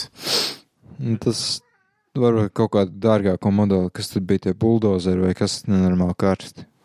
Vai nu, video kartēm bija tā problēma, ka pārkarsts man šķiet, bet tagad tas jau tā jau vēsture, ne? Man liekas, ka AMD vēl, vēl aizvien ir problēmas saviem, savām ierīcēm. Kopš es toreiz eksperimentēju ar AMD karti, es negribu vairs nekad mūžā neko no AMD, bet ja tas ir tikai čips, ko ražo īstenībā cita firma, tāpēc es negribu mājās tādu. Nē, man vispār ir Playstation 4, lol. nu, labi, labi. Visu man, man pietiek ar to grafiku un veiktspēju, ko dod Playstation 4. Es PC ļoti reti ieslēdzu. Jā, bet tūlīt jau būs tāda grafika, kurai vajadzēs 50 kodolus un 1000 gigabaitus RAM un nezinu, kādas tur Playstations. Mēs uz to ejam. Nezinu, kāpēc mums jātīstās grafiski visu laiku, kaut arī mēs vienmēr spēlēsim Candy Crush, lai arī kas tas būtu. Nu jā, spēles process gan īsti nemainās. Man liekas, stāv uz vietas. Tas ir lielākais tāds mīnus. Jā. Varbūt pēdējie divi iznāks arī uz Playstation 5. Noteikti. Uz visām iespējamām ierīcēm. Jā. Uz uh, Internet of Things gan jau arī jūs varēsiet savu viedā uh, leduskapju displeju spēlēt pēdējai. Gan jau. Drīz varēs uz smartwatch, uz Fitbit Pro spēlēt pēdējie divi. Kā pārskrolē pāri ļoti labam, ļoti labai sadaļai. Tagad ķersimies klāt lasītāju jautājumiem, kurš šoreiz veseli četri. Paldies, Malači! Tātad pirmais jautājums ir no lietotāja Goodman 2576. Varētu padalīties ar jūsu prātu svarīgāko un interesantāko no CES 2018. Tātad mums ir atvērts raksts, ja jūs skatāties YouTube, jūs redzat no viens no pirmajiem rezultātiem, kas tiek izmests ārā, ja jūs ierakstāt CES 2018, kas ir ļoti objektīvs resurss. Tā kā Sarkasms, bet domāts. Nu, katrā ziņā, ja jūs nezināt, CES ir lielākais uh, patērētāju tehnikas uh, šovs uz planētas Zeme. Es nezinu, kāpēc viņi rakstīja uz Zemes. It kā tas būtu arī uz Marsa, bet nu labi. Nu, un jā, interesantākais, es nezinu, kā, kāds ir tavs viedoklis. Kaut kas interesants. Interesantākais, interesantākais. Laikam tas, ko tu teici par tām kaskām, kuras tā kā nodod kaut kādus tur tos. Jā, kaut kā ievibrē cilvēka kaus, lai pārraidītu. Tas būtībā velospēda ķivere, kas tā kā Metal Gear Solid 2 bija tas pats, ka, lai apkārtēji nedzirdētu, lai ausis būtu vaļā, tad kaut kā iekšējo ausi vai ko iekustināt. Es nezinu, kā tas strādā. Katrā ziņā jūs varat klausīties mūziku un uh, braukt ar riteni, bet tajā pašā laikā ausis ir vaļā, jūs dzirdat, kas jums apkārt notiek. Uh, Bet man liekas, vislielākais iegūms būtu tieši vēl kuriem no šāda. Te, piemēram, rācija nebūtu tur. Rācijai vienkārši pieslēdz austiņas to ķiveri, un, un tad dzirdi, kur tev jābrauc un kas jādara. Es mēģinu iedomāties, kā, kā ir sajūta, ka tev pēkšņi tāda, kā tā skaņa tiek nodota. Es nevaru iedomāties. Es biju kaut kur galvas aizmugurē, kaut kā tā. Bet kāda ir sajūta? Nezinu, tāda Dīvaini. Varbūt, ka daudziem cilvēkiem kut vai kaut kā tā. Bet atkal, man liekas, stulbi, ka ar Bluetooth, nu, labāk būtu iedevuši iespēju arī pieslēgt fiziski ar, ar vadu. Tāpēc, ka tas Bluetooth pirmkārt izlādēs bateriju, nu, labi, tur 8 stundas, kas kurjeram pilnīgi pietiek. Vai vienalga, kur šosei brauc, tur baigo gabalu 500 km, tur vajag, jā, labi, 8 stundās nevar nobraukt 500 km. Bet, jā, nu, es dotu priekšroku vadam katrā ziņā. Jā, tas enerģijas taupīšana. Nu, Bluetooth tagad ir vienīgais mīnus, ka ir mazliet tā aiztur, bet, nu, ja tu klausies mūziku, tad jau kāds starpiem. Nekāda. Tas jau nav tā kā tu vi video skaties, un tad tur muti kustās ātrāk, kā skaņa nonāk līdz ausīm. Jā, bet tas izskatās visinteresantākais, vismaz, ko var Tech Raider frontpage redzēt. Varbūt tas nav saistīts ar CES, bet man ļoti interesanti likās, ka Google pārdeva Motorola. Tā kā viņi ļoti daudz naudas kā, tehniski zaudēja pārdodot, jo viņi nopirka par daudz lielāku summu. Bet kā viņas paši saka, tad Motorola radīja ļoti liels zaudējums. Tāpēc viņi gal galā arī iegūst no pārdošanas. Bet labi, tas laikam nebija CES. Bet kas man likās interesantākais no CES vēl ir tas izvēlkamais OLED ekrāns. Es zinu, ka tev ir pilnīgi pretējs viedoklis, bet man forši, ka var tādu kasti nolikt eh, kompakti un uh, tad, kad vajag izvilkt ārā to ekrānu. Tas ir 4K. 146 colas. Ā, tas ir Samsungam, jā, sienas ekrāns. Jā. Es kaut kur redzēju, ka kaut kāds Linus vai kā to sūdz. Jā, tektips. Viņš līmēja tādu štrunu savu pie sienas. Es nezinu, vai tas ir tas pats, bet bija tāds kaut kāds tā kā tapete bez mazliet ļoti interesanti, bet praktisko pielietojumu, nezinu, grūti iedomāties. Bet es gribētu pat mazliet tādā kā rentā izplost. Ļoti daudz viskaut kas tajā CES bija par, gud, par viedajām virtuvēm, vēl kaut ko par toaletēm, vannas istabām. Es domāju, nafik tas ir vajadzīgs cilvēkiem, jo vai tad ir grūti atvērt vienkārši leduskapi, izvilkt ārā to, ko tev vajag un pagatavot. Nē, mums tagad vajag leduskapis, kuros ir kamera iekšā, kas skatās, kas tev ir iek leduskapī un uh, iesaka receptes. Nē, manuprāt, noderīgs būtu kaut kas, kas nosaka derīgumu termiņu tam lietām. Tā kā tu nevari paņemt vecu pienu vai vecu gaļu un saindēties. Ja tu pasaki, ka tas ir vecs sūds, tev jāmet ārā, nevis ieliek vēderā vai krastnī. Jā, bet runājot par pienu, kā tu pateiksi, ka tas ir vecs, nu labi, ja noskanēja kaut kā to derīgumu termiņu. Bet atkal, ja tas ir kaut kāds šitais, tas ir rasa vai kas, kas tie, kas var stāvēt tur mēnesi vai tie, tie ko birojiem piegādātie margi, Kā tu zinās, ka es sabojājies? Kā, kā, kā var? Tā lieta, ka es kā patērētājs jau pēc, varbūt tur pēc kaut kādām smagas sensoru vai kaut kādas, nezinu. Tur. Nu jā, bet tur ir aizskrūvēts cietā vai aiztaisīt. Kaut kāda skenēšana, rengen stari, apstarot pieniņu. jā, jā, un radiāciju apstarot. Un tad... Nu, es nezinu. Labi, tas piens tāpat ir pasterizēts, tur ir kādas vērtīgas lietas, jau tāpat pazudušas, bet nu vienalga. Nu. Man liekas, es esmu cilvēks, kas uzskata, ka labāk es izdaru kaut ko pats saviem spēkiem, uh, un viss kārtībā. Tā kā, piemēram, es pirms divām dienām biju iespēja braukt ar jaunāko Volkswagen Passat. Nu, mazu gabalu gan pabraucu. Brīnumainā kārtā ar mehānisko ātrumkārbu. Bet tur bija tā keyless go sistēma, kas laikam standarts tagad ir pat. Nē, es tā, tā ļoti maz redzu mašīnas, kurām ir fiziski ievietojama atslēga kaut kur. Būtībā pieeja pie durvīm klāt, ieliek starp rokturi un korpusu roku, atpazīst, ka man ir tas sensors blakus, un tad atslēdz durvis, var attaisīt vaļā. Iesēžos iekšā, nospiež pogu un iedarbina mašīnu. Un tāpat aizverot durvis, vienkārši pieliek klāt roku pie roktura un aiztaisās ciet durvis aizslēdzas. Kā tas ir vajadzīgs? Man, man piemēram, nav nekāda problēma, kad man bija mans Ford shitbox. Es vienkārši atnāku ar atslēgu, atslēdzu durvis, attaisu vaļā, ielieku aizdedzē un braucu. Nu, man pat liekas, tās automātiskās gaismas ir tagad. Uh, Var saskatīt, ka tas varētu būt pat bīstami. Nu, ka tev mašīnu var daudz vieglāk nozagt, apčakarēt to sistēmu kaut kā. Ļoti daudz gadījumu, starp citu, ir ar to. Uh, Tu vienkārši tā kā uzhakot Playstation 4, tu uzhako kaut kādu tur atslēgu, kas ir tā kā uh, universāla atslēga visām šitām dīvainajām mašīnām. Vienkārši zots pēc kārtas viss. Ir jau daudz video redzēt, ka kaut kāda Mercedes, CLS vai kaut ko pienāk zagļu klāt, ar viens ar antenu, otrs ar to viltojošo to atslēgu rādījā un vienkārši aizbrauc un viss. Vai kaut vai Top Gearā bija tas gan uh, droši vien inscenēts un humoram, bet tur bija tas kaut kāds Amerikas special kas, kur uh, Clarksons iesēdās tajā Heimonda kaut kādā korvetē vai kas viņam bija vai Mustangā un vienkārši uz, aizbrauc mašīnu ceļu vidū izkāpa ārā. Tas tā humoristiski, bet, nu, reāli tas nav droši. Es nezinu, kam tas jūs pirmkārt maksājat par to savu naudu. Viss kaut kas var noiet greizi un Bet tu sāk runāt par automātiskajām gaismām. Man tieši patīk automātiskās gaismas. Man ir bijis tā, ka es pierodu, ka man tās automātiskās gaismas ir. Es iesēžos kaut kādā Mazda 3 shitboxā. un Tad es skatos, gaismas deg, bet eh, tahometrs, spidometrs nedeg. Tas nesaprotu, kāpēc tas ir.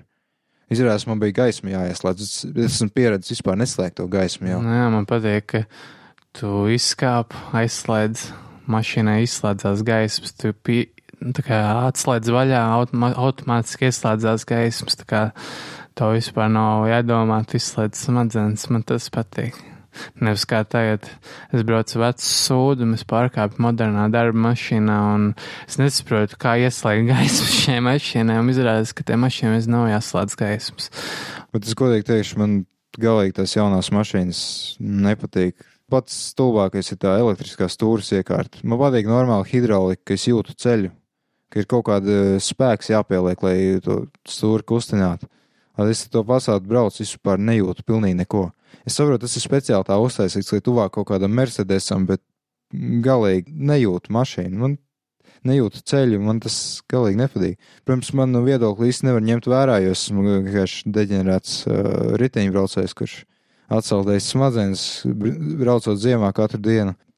Vispār tā pati braukšana, tad ļoti attālināts sajūta. Es daudz esmu braucis ar iepriekšējo pasātu, kam gan bija DSG. Man liekas, ka tas tās ātrumkārpes dēļ, bet vienkārši sajūta tāda, ka es spēlētu video spēli, pat vēl tālāk no realitātes. Mm. Tagad vēl tās mašīnas, tāds vispār kā ar bumper kāru braukt, tāds sajūta vispār.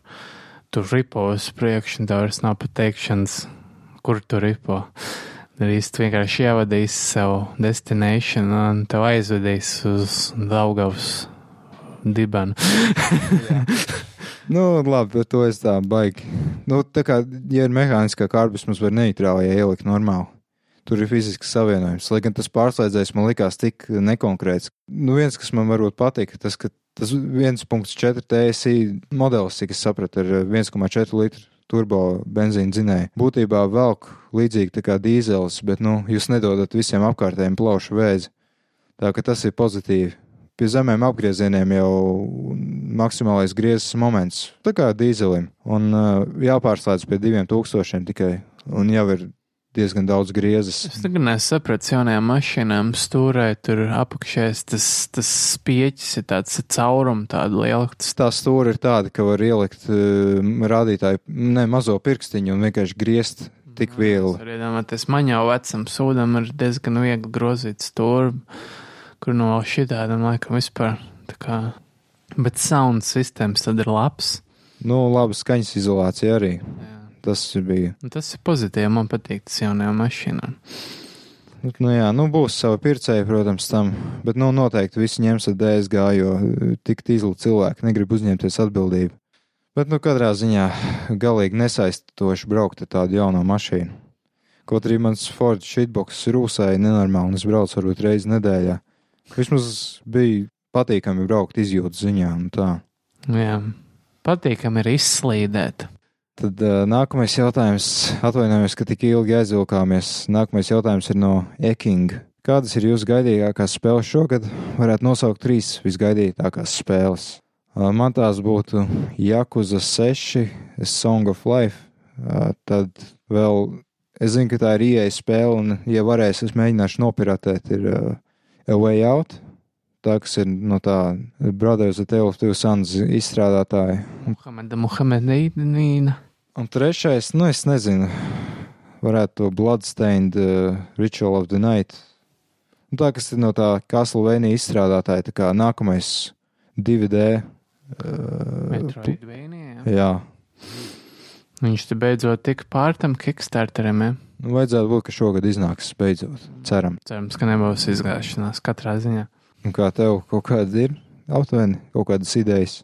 Mm, Pa lielam, tas, ko es izlasīju ātri, no tā, kas iznāk šogad, vispār neko no tā es negribu redzēt savā spēju plauktā, bet, ja man jāsaka, tad varbūt Red Dead Redemption 2, tas ir tas, ko es gribētu.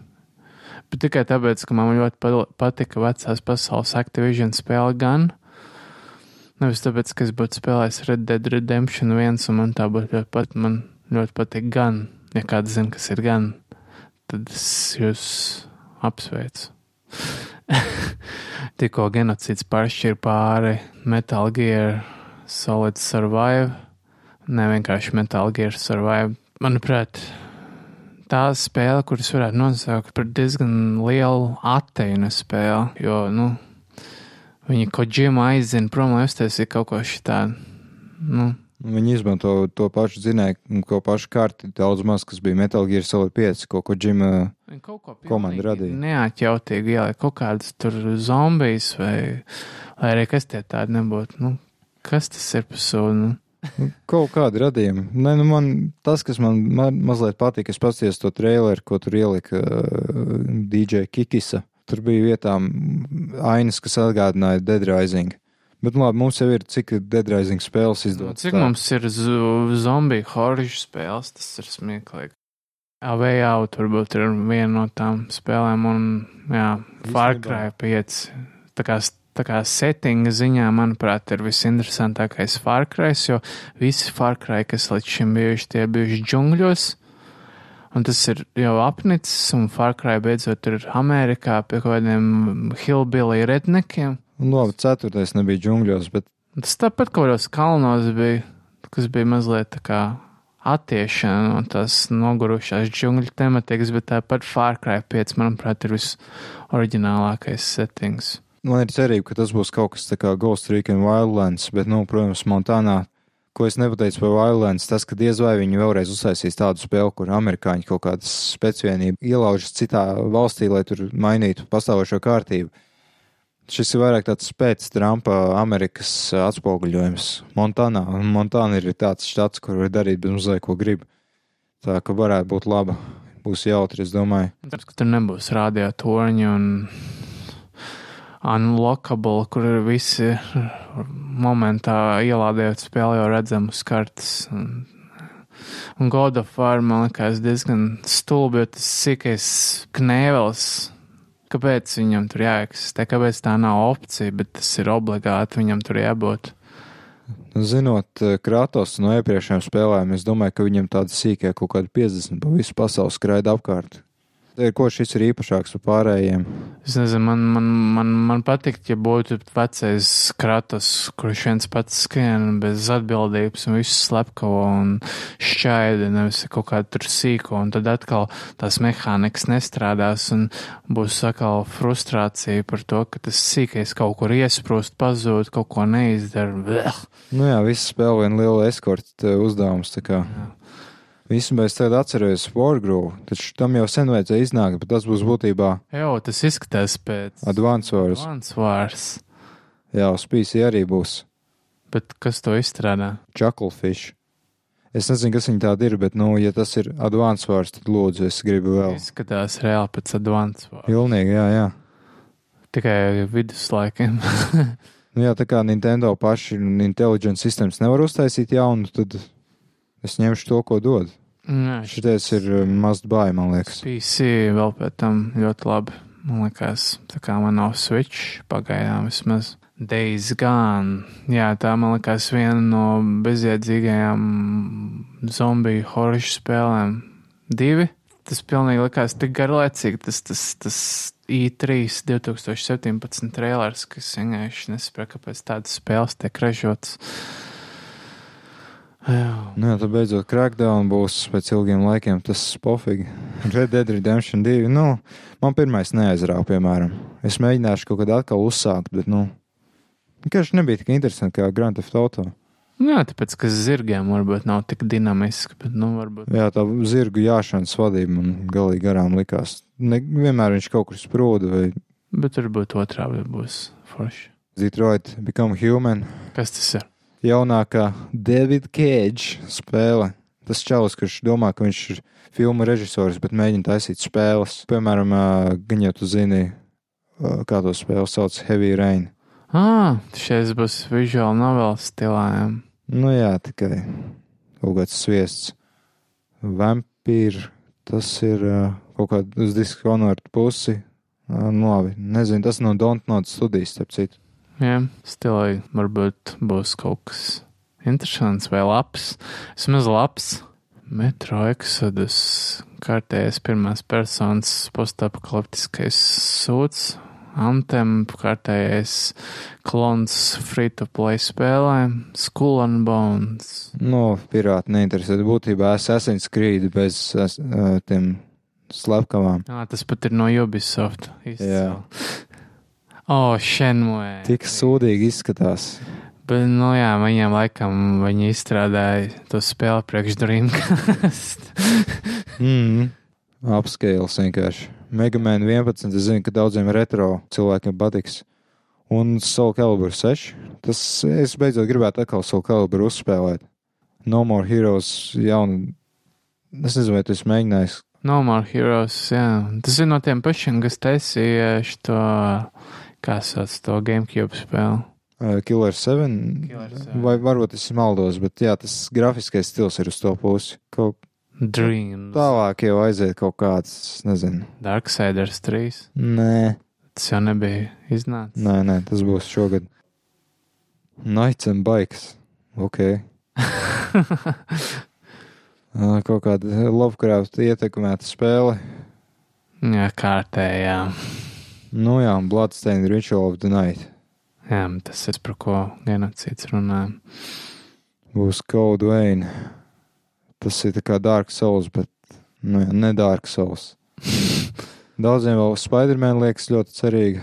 Nu, bet es domāju, tā būs kārtējā vilšanās, manuprāt. Pieminiet manas vārdus. Un Final Fantasy 7 remakes, kurš iznāks, ja es pareizi atceros, epizodiski, fantastiski. Nu, tā kā visas Square Enix spēles tagad gan rīzai. Hitman. Šis būs vēl sadalītāks vēl. Šis būs tā kā Hitmans jaunais, tas epizodiskais, pat ne tā kā vecās epizodiskais Final Fantasy spēle. O, Psychonauts beidzot pēc 3000 gadiem piedzīvo reinkarnāciju. Mm. Ghost of Tsushima tas laikam bija par to amerikāni vai britu vai kas tur, kas nokļūst. Ā, tas būs samurājiem kaut kāds. Un Sucker Punch, tie jau droši vien atvērtās pasaules. 7, 7, tas nevarētu būt. Oh, Mountain Blade 2. Ja nepietiek tas, ka viņi izlaiž Mountain Blade 1 expansionu Warband uz Playstation 4, tad beidzot būs Mountain Blade 2. Kaut kad, kad tie turki saņemsies kaut ko uztaisīt. Ā, The Last of Us nākošais gadu vai tad iznāk, man kāds viņi tur. Šogad it kā vajadzētu, bet Šogad. n- n- nav apstiprināts. Jā. Es godīgi sakot, esmu viens no tiem cilvēkiem, kas uzskata, ka tā spēle varēja arī beigties ar pirmo tas sižets. Jā, man arī tā liekas, ka tagad, tagad viņi kaut ko vienkārši ar šņābi nolēs un nebūs tas vairāk. Death Stranding. Varbūt šogad, bet nav garantijas. Tā ir tā Hideo Kojima spēle. Tas šausmanē. Tas ir tas, ko viņš Kaut kas tāds, jā. no PT uztaisīt, laikam. Tā es sapratu. Vai jau netrīs, tas būs krūti, bet man jāizspēlē vispirms pirmās divas. Beyond Good and Evil ar mērkaķiem, kuri saka fuck. Es domāju, ka tas pilnīgi noteikti nebūs uh, šogad. Jo Ubisoft jau atlika uh, The Crew 2, viņi atlika Far Cry 5. Es domāju, tāpat Kingdom Hearts 3 man ir šaubas, ka iznāks. Un Metroid Prime 4 pilnīgi noteikti nebūs šogad. Wow! Jā, es atceros, kā viņi paziņoja Metroid Prime 4. Tā kā trīs uz muguras parādījās, bet es ļoti šaubos, ka tā būs kaut vai uz pusi tik laba kā vecās Metro, Metroid Prime spēles. Un Cyberpunk es arī šaubos, ka šogad iznāks. Lai gan viņi bīpoja Twitterī pirms pāris dienām. Es reāli šaubos, ka šogad iznāks. Jā, tad es varu pateikt savas trīs spēles. Tas ir Red Dead Redemption 2 un Cyberpunk 2077. Un jā, tā kā genocīds teica, tas Castlevania, kā viņu sauc? Bloodstained. Bloodstained. Tā kā viņš atgādināja man, ka tāda spēle eksistē, tad jā, arī šī spēle mums sasaucās. Tad uh, Suicide Christ uzdod visnotaļ uh, filozofisku jautājumu. Cik var spamot? Un Fire. Emoji. Es nezinu, cik var spamot. Nu, Mēs spamojam nu, reizes divās, trīs nedēļās, manuprāt, neskaidrs, kā spamošana. Es domāju, ka spamot var uh, tā kā atļaut relativitātes teoriju tajās ietvaros. Spamot var tik daudz, cik atļauj datu nesēju ietilpība, roku pirkstu ātrums, interneta savienojums un platforma, kurā var spamot. Ja jūs visu laiku banot, tad uh, ilgi paspamot nevar. Jā. Jā, flo, flodot nevajag, flod, floderi, ne, nepie. Jā, bet cik var spamot, nu man spams stāv leduskapī. Cik es viņu varu izvilkt, cik ilgi. Tu Latvijā tirgo spam? Nē, man draudzenes māsa atved. Nē, neskaidrs spams. tas, jā, tas nav spams, sorry. Labi, man nav spams.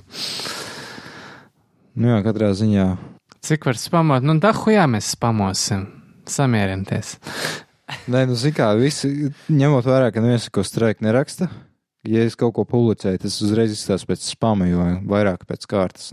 Jā, man vispār runāja par spamu, kāpēc tā kā tajā čatā visas ziņas pēdējā laikā kā atkārtojas. Tas ir kaut kāds prikols, ko es nezinu, vai tas ir. Es domāju, kārtējs gļuks ar straiku lapu, jo kaut kad bija arī problēmas, ka nerādītos titulu, titulu image rakstiem. Es nezinu, vai tev ar tas bija. Bija tā, ka no viena datora rāda uh, uz ar Windows uh, un vecu Firefox, un no Linux datora ar jaunāku Firefox nerāda attēlus. Nu, Mm. Kaut kāda tāda brīnuma bija. Jā, sākumā likās, ka viss vienkārši prikoļojās, prikoļījās. Un tad- Spriditis, spridits. O, mēs pareizi izrunājām šoreiz. Viņš jau aicā, interesē jūsu viedoklis par tiem krāpniekiem, kurus vidi bija noķēris par nodokļu krāpšanu, par konsoļu tirdzniecību. Viedoklis, viedoklis ir tāds, ka ne tikai video spēļu krāpnieki, bet jau kādi krāpnieki, kur nemaksā nodokļus, ir suņu bērni, kur ir pelnījuši sadegt telē. Un tā kā viņi padara šo dzīvi sūdīgāku visiem pārējiem, un, un tas, ka uzņēmums Latvijā nevar izdzīvot, tas ir arguments, kur parasti izmanto, kad viņus noķer un ved saslēgtus uz tiesas sēdi, un kad viņus noķer te, TV reportieris, bet viņiem tā nav pirmā doma, kad viņi ar to nodarbojas. Tā ir varbūt pēdējā doma. Īstā doma ir, es gribu naudiņu. Nu, man jau t- it kā ir pie anālās atvērts, ka viņi nemaksā nodokļus. Tā kā tā, nu, ko darīt, nevarēs vēl vienu dienvidu tiltu uzbūvēt. Mēs zinām, cik labi tas sanāca. Bet, Jā, bet, nu, bet godīgi uzņēmēji ir, kas maksā tos nodokļus, līdz ar to viņi nevar tik labu peļņu dabūt un tam līdzīgi. nu, jā, Sakarē- viņiem jāmaksā lielāka nodokļa, tāpēc, ka nav tik liela nodokļu ieņēmuma. Ja būtu nodokļu ieņēmumi lielāki, viņiem arī būtu mazāk nodokļu jāmaksā. Nu, vienkārši tie krāpnieki čakarē uh, biznesu tiem, kas godīgi vai puslīdz godīgi, nu vienalga strādā. Pilnīgi piekrītu. Un arī jūs, jūs to, no tāda nopērkat tur Xbox One X par 480 eiro, tur, uh, tāpēc, ka viņš nemaksā nodokli, tāpēc viņš ir atļauties tādu cenu uzlikt. Nu, arī jums kā patērētājiem tas ir šruntīgi, tur garantija un tam līdzīgi. Ir kā kaut kādu pavadzījumu tur iedod fiktīvu, bet, nu, es nezinu. Viņam, ka tas Playstation no Ķīnas, Ķīnas tirguma paredzēts un jau tiek pārdots ar uzskrūvētu cenu, lai gan Ķīnas tirguma vispār nav paredzēts konsoles. Viņi parasti izdod superlētas, nocenotas versijas. Nu, jā, es nezinu, kā tas īsti strādā, bet būtībā, ja jūs pārdodat konsoli par 500 eiro, uh, sadaliet ar uh, 1,21, un tas ir cena bez PVN, līdz ar to kaut kāds 100 eiro aiziet, lai PVN samaksātu. Un, ja tas pats cilvēks pārdod par 20 eiro lētāk, bet nemaksāja to PVN, viņš nopelna par 80 eiro vairāk. Tā ka, nu jā, stulbi. Bet kas man uh, riebis nesen pārdeva spēles, ir tāds fórums, konsoles LV, nu tur ir fóruma sadaļa labākā vieta, kur pirkt, pārdot lietotas spēles. Bet katru reizi, kad ieliek kaut kādu sludinājumu, tur pēc pāris minūtēm uzrodas kārtējais pārpircējs, un viņš tev piedāvā, uh, viņš saka, ņem šodien, atbraukšu pakaļ, tur tās divas spēles par nenormālu lētu cenu. Un labākā stratēģija, manuprāt, vienkārši ignorēt tos krānus, pateikt viņiem nē. Un parasti tā pagaida ne- nedaudz ilgāku laiku, pāris stundas, un kāds jau ir pieteicis par pilnu cenu to spēli. Un ko tie kretīni dara? Viņi neļauj eh, cilvēkiem nopirkt par labu cenu spēli, jo viņi pirmie piesakās, viņi vēl izdīts atlaidi, ko, ko nopērk un pēc tam tirgo tālāk. Jā, protams, tur nekāda nodokļa netiek maksāta. Tas pilnīgi. Arī nodod, kas nemaksā. Nu jā, lietot, pārdodot, jā, bet vēl jau vairāk viņi to pārdod pēc tam tālāk. Caur kaut kādu uzņēmumu, tur fiktīvu, kas īstenībā nav PVN maksātājs, kam ir uh, birojs tur tajā VF uh, kaut kādā ēkā. Nu, zini, tur ir pie tā tilta ir pilns ar birojiem ar kaut kādiem sareģistrēti tūkstoši uzņēmumu. Bet, nu jā, tādi tur vairāk grozās apkārt, un tas baigi besī laukā. Es nezinu, kāpēc neviens tur neko nedara tajā formā no adminiem. Vai tik grūti ir ieiet, paskatīties IP adreses, paskatīties privātās ziņas, ka tie ir tie paši ceļi, ka viņi norāda savu numuru, kas katru reizi ir tas pats, kas beidzas 2, 1, 3, 1 vai kaut kā tam līdzīgi. Nu jā, Es spēles nepārdodu. Man krājās kaudzē viss. Jo esmu pensijas vecuma krā, krā, krājējs. Man pat, ja, ja tu paskatīsies uz to kasti, kas ir mums aiz muguras, tad tur viss ierīces, ierīces kuras esmu nopircis, parasti krāvē, krā, kraujās traukšana. Un tur- tur-.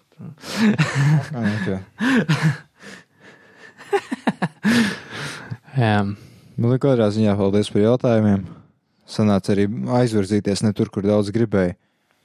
Bet, nu jā, man tā vēlreiz atkārtoja tā viedā nākotne galīgi nepatīk. Ja cilvēki paliek tīzli, ja visu izdara viņu vietā, viņi ar paši nemāk neko paveikt.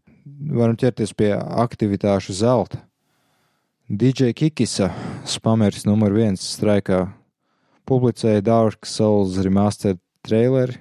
Nu, to jau mēs apspriedām. Cool. Un tad viņš saka, jauki, ka parādās vēl mātes plašu ražotāji. NZXT atklāja savu pirmo mātes platu. Nu, manuprāt, ražotāji netrūkst, jo video kartes vien ražo miljardus ražotāju. Tā kā es nebrīnos, ka ir vēl miljardēs ražotais arī mācības platēm parādījies. Un tālāk viņš iespamo kaut kādu smieklīgu gifu. Bet, bet tas gifs sver 6,7 megabaitus. Iedomājieties, ir cilvēks, kuram ir ierobežots internets mobilais. Viņš atver straiku lapu vaļā. Viņam jānokačā šī tāda mēsla dēļ 10 megabaiti. Nu, es ieteiktu padomāt arī par citiem. Man, manuprāt, no, nu, tas source, no kurienes tiek ņemts, tas gips tur parasti jau nerāda to smagumu tiem gifiem. Nu jā, Firefox piemēram nerāda. Es nezinu, kāpēc gifiem tieši tāda problēma. Un tad viņš iemet Metal Gear Survive traileri. Tas traileris bija sūdīgs. Pārāk garš, reāli. Ja, ja, ja kaut kas ir pārāk garš, tas nozīmē, ka mēģina kompensēt kaut kādā veidā. To, ko varētu pateikt īsi un vienkārši, un mēs visi saprastu, tad vajag pārliecināt cilvēku, izvalkot garumā. Es varu ja spēlē būs 50 vērtējums metakritikā. Jā. Labi, ka vismaz, vismaz viņi neprasīs pilnu cenu, bet 40 eiro. Wow, un tas ir tāda atlaide. Tas ir tikai 19 eiro vērt, lētāk kā parasts pilncenas spēle. Šis tāds sūdu vajadzēja kā DLC pārdot reāli. Par 20 dolāriem maksimums, jo tas izskatījās, tur izskatījās, kāds iesācējs moderns ir uztaisījis to visu. Jā, vienkārši GTA, fu, Metal Gear Solid 5 mods un viss. Jā, tur bija kaut kur YouTube arī tāds looks like a mod. Nu, es pilnīgi piekrītu. Indeed, looks like a mod. Jā. Ok, tas tā kā būtu viss no aktivitātēm un tā. Tad mēs varētu tā kā, eh, lai būtu garāks podkāsts izstiept, tad varētu parunāt par filmām vēlreiz. Šoreiz uh, atšķirība tāda, ka es mazliet labāk varēju pastāstīt par spēlēm kaut ko, jo es biju tēzes uzrakstījis. Par filmām es vispār esmu pierakstījis, ko man jāsaka. Ir tā, ka pirmā filma, ko redzēju uh, uz 4K Blu-ray, starp citu no liela gabala skatoties uz 4K, es neredzu atšķirību. Nu, var, var, slikti redzu, varbūt, jā, bet ar 1080p nav liela starpība. Uz 100 colīga ekrāna, jā, tur jau var sākt runāt par kaut kādu jēgu tam 4K Blu-rayam pirmā filma Fast and Furious 8, jeb Fast and Furious 8. Tas būtībā dumja, bet izklaidējoša filma. Man patika. Sacīkstas filmas sākumā atgādina seriāla pirmās daļas, kur bija nelegālās sielas sacīkstas, bet nu citādi tiek turpināts tas action žanra sižets par pasaules glābšanu no ļaunajiem teroristiem, par ko būtībā visas FF filmas tagad ir. Viņš dīzels sadarbojas ar sliktajiem. Viņš, eh, kā saka angliski, has gone rogue. Galvenā ļaundara ir baigā kūca, bet smuka pēc vēlna. Es uz tā uzrakstīju. Un, jā, tad viņš sadarbojas ar viņu. Manuprāt, laba aktieru spēle, smieklīgi joki. Tur tas romans, tas sāks aizvien ir savā elementā. Tas, kas ir tas Tyrese Gibson. Uh, Roks ir pilnā WWE wrestler elementā. Viņš vienkārši paņem cilvēku, viņš izdara ne, neiespējamas lietas. Cilvēks vienkārši spēr pa gaisu, viņu lido, atspēr durvis vaļā metāla cietumā, betona soliņu savā kamerā norauj.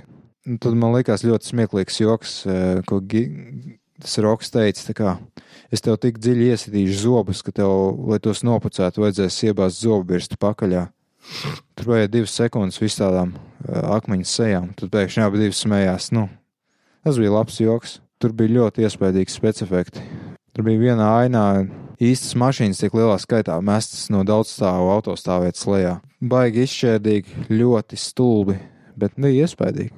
Tas smieklīgi, ka kaut kāds 2000 gadu uh, pasāts, uh, Volkswagen pasāts tiek, uh, tiek pārņemta tā elektronika, un tas pēkšņi ir autonomas mašīna, kas brauc un uh, taisa nekārtības Ņujorkas ielās. Tas bija stulbi, bet nu, jā, labi. Un uh, kopumā labi izklaide. Tu jau neesi laikam redzējis vēl jaunāko. Jā, Furious 8 es neesmu redzējis. Bet es dzirdēju labas atsauksmes. Ja man draudzene gribētu redzēt, es noteikti redzētu. Bet tā kā, ja negrib redzēt, mūsu Netflix paliek neizmantots. Jā. Furious 8. Tas ir kā, turpinājums tieši sequels uh, iepriekšējām daļām. Ja? Tur ir kaut kāda atsauce vecajām filmām. Jā, jā. Kā jau viss daļas tagad tajā seriālā. Un Pols Valkers nomira septītajā daļā, ja? vai sastajā? Vai kad... Man liekas, ka jau sastajā. Cik es esmu redzējis parodijas, tad varētu būt, ka tā filma ir diezgan smieklīga. Nu, ne smieklīga, bet ridiculous. Jā, jā bet ir, ir, ir labi. Nav. Šitais es nejūtu, ka es izniekotu savu laiku. Bija izklaidējoši, bet ne pārāk stulbi. Tad atkal nākamā filma, ko redzēju arī uz 4K Blu-ray, ir Logan, kas man šķiet ļoti nomācoša un cietsirdīga filma par uh, kādreizējo Marvel supervaroni, kurš tagad ir alkoholiķis un pelna iztiku kā limuzīnu šoferis. Viņš ir līdzīgs, ļoti līdzīgs, es teiktu, Joelam no Us.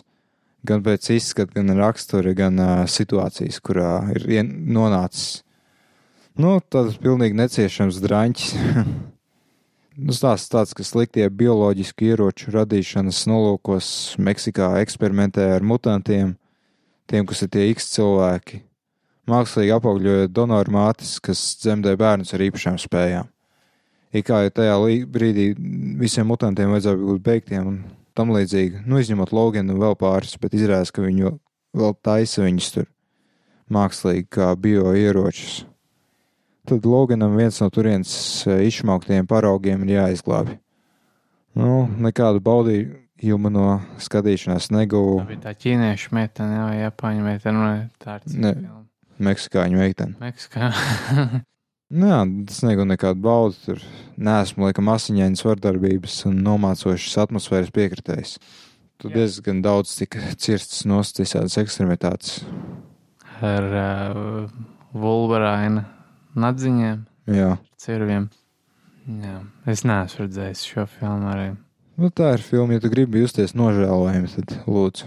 Fantastisks, tā kā Dark Souls, tikai filmas formātā. Jā, vai The, The Walking Dead Telltale spēle. Nu, tā vismaz nu, tā bija interesanti, vismaz man. Nu jā, un tad es redzēju beidzot, beidzot, Train Spotting pirmo un otro daļu jeb kā pareizi saka, train spotting. Tas bija skota akcents, ja kas. Jā, jo filma ir par uh, skotiem. Tad pirmā daļa iepazīstina skatītājs ar bariņu narkomānu Skotijā 80. un 90. gadu mijā. Ir uh, spilgti atmiņā paliekoši tēli. Ļoti smagas lietas tiek parādītas ar humoru. Nespoiloši, bet tur ir jā, viena aina, kas ir diezgan šausmīga, ja tā padomā. Bēbe? Jā. Nu, tāpēc es neteiktu, ka filmas slavina narkotiku lietošanu. Īstenībā tas, man liekas, manuprāt, neitrāls skatījums. Pat. Nu, var redzēt, cik nožēlojami ir nariki. Tomēr ir arī skaidrs, kāpēc viņi to dara, kāpēc viņi mēģina aizbēgt ar narkotikām. Patīk. Mm. Nē, nu jā, viņi dzīvo diezgan dziļā sūdbedē. Nu, kā viņi paši saka, tas Skotija, tas vienkārši nu, kolokā sitējuma valsts kaut kas tāds. Vai nē, nē, tas bija par Angliju teikts. Jā, viņš pa, uh, mūs iekaroja kulakā sitei, kas te mēs esam vispār. Mm. Nē, nu, es neesmu eksperts, bet man šķiet, ka tam laikam ir lieliska kinematogrāfija. Tur mākslīgā roka, kurā inicē heroīnu. Es skatījos tos uh, behind the scenes, kā viņi tur darīja. Nu. Man patīk tā vieta, kur viņš podā. Jā, tieši tā. Tas bija labs. Jā, man tā diezgan vispār tā noskaņa visai drūma te filmā. Tā kā visi gal galā nomirs, paliek bēdīgi, lieto narkotikas. Turpat tas draugs, kurš nekad nelietoja narkotikas, bija sportisks ar draudzeni. Viņš vienkārši no HIV, no, no aids nomira vispār kaut kāds. Mm, varēja redzēt, ka viņš visus savus mēbeles, visu pārdevis, kas viņam bija. Tur. Viņš dzīvo vienkārši uz madraču, guļ izdemolētā dzīvoklī. Jā, visi tie vienkārši guļ un viss. Jā. Bet eh, es nezinu, vai tev tā likās. Man šķiet, ka nobeigums ir eh, ļoti labs. Pirmajai daļai. Jā, Jā, man patīk, ka viņš visus apčakariem atstāja savam draudziņam tur. Jā, spoiler alert. jā, man patīk, jā, nobeigums bija tāds diezgan piederīgs, tā kā viņš tā kā nebija tizls, tas pats galvenais varonis, viņš arī nebija arī pārāk ļauns, viņš tā kā, tā kā vajadzēja. Jā, nu es nezinu, vai to sauc par katārs, bet bija tā, ka viņš beidzot tam eh, begbijam psihopātam parādīja. Jā, jā, jā. Nu Jā, un tad es redzēju arī otro, un tad tā tika izlaista pagājušo gadu. Un tā parāda tos pašus tēlus 20 gadus vēlāk. Um, ir interesanti redzēt, kā lietas ir mainījušās Skotijā, tur parādās tramvaji un tam līdzīgas lietas. Kādas izmaiņas pārdzīvojuši, piedzīvojuši varoņi. Nu, būtībā stāsts tāds, ka draugu bariņu psihopāts Begbijs uh, vēl aizvien atceras uzmetienu un tad vēlas atriepties Rentonam, tam galvenajam varonim. Cik dzirdēju, nemaz nav tā labi. Nav labi vispār. Nu, ne, man liekas, labi tā ziņā, ka viņi tos tēlus perfekti vienkārši. Tā kā tie aktieri arī galvenais varonis un tas, tas Sigboy, kas bija. Ta, tagad viņi vienkārši par Saimonu visi sauc. Viņi arī dzīvē nebija 20 gadus redzējušies, un tur tā sinerģija viss, man liekas, ļoti labi strādāja. Mm. Galvenais varonis vēl zinīja Juvens Magregors. Ja? Jā, tieši tā. Bet tagad viņš ir kā tīrs, tur uh, atbraucis atpakaļ no Amsterdamas, sportisks. Tur. Viņš tur parāda arī tur tam, uh, tam otram Īvanam, Juvenam, vai kā to pareizi zināt. Nu, tam čalam, kas bija tas, tas, tas garais, tas lempis. Neatceros, kā viņu sauc vairs.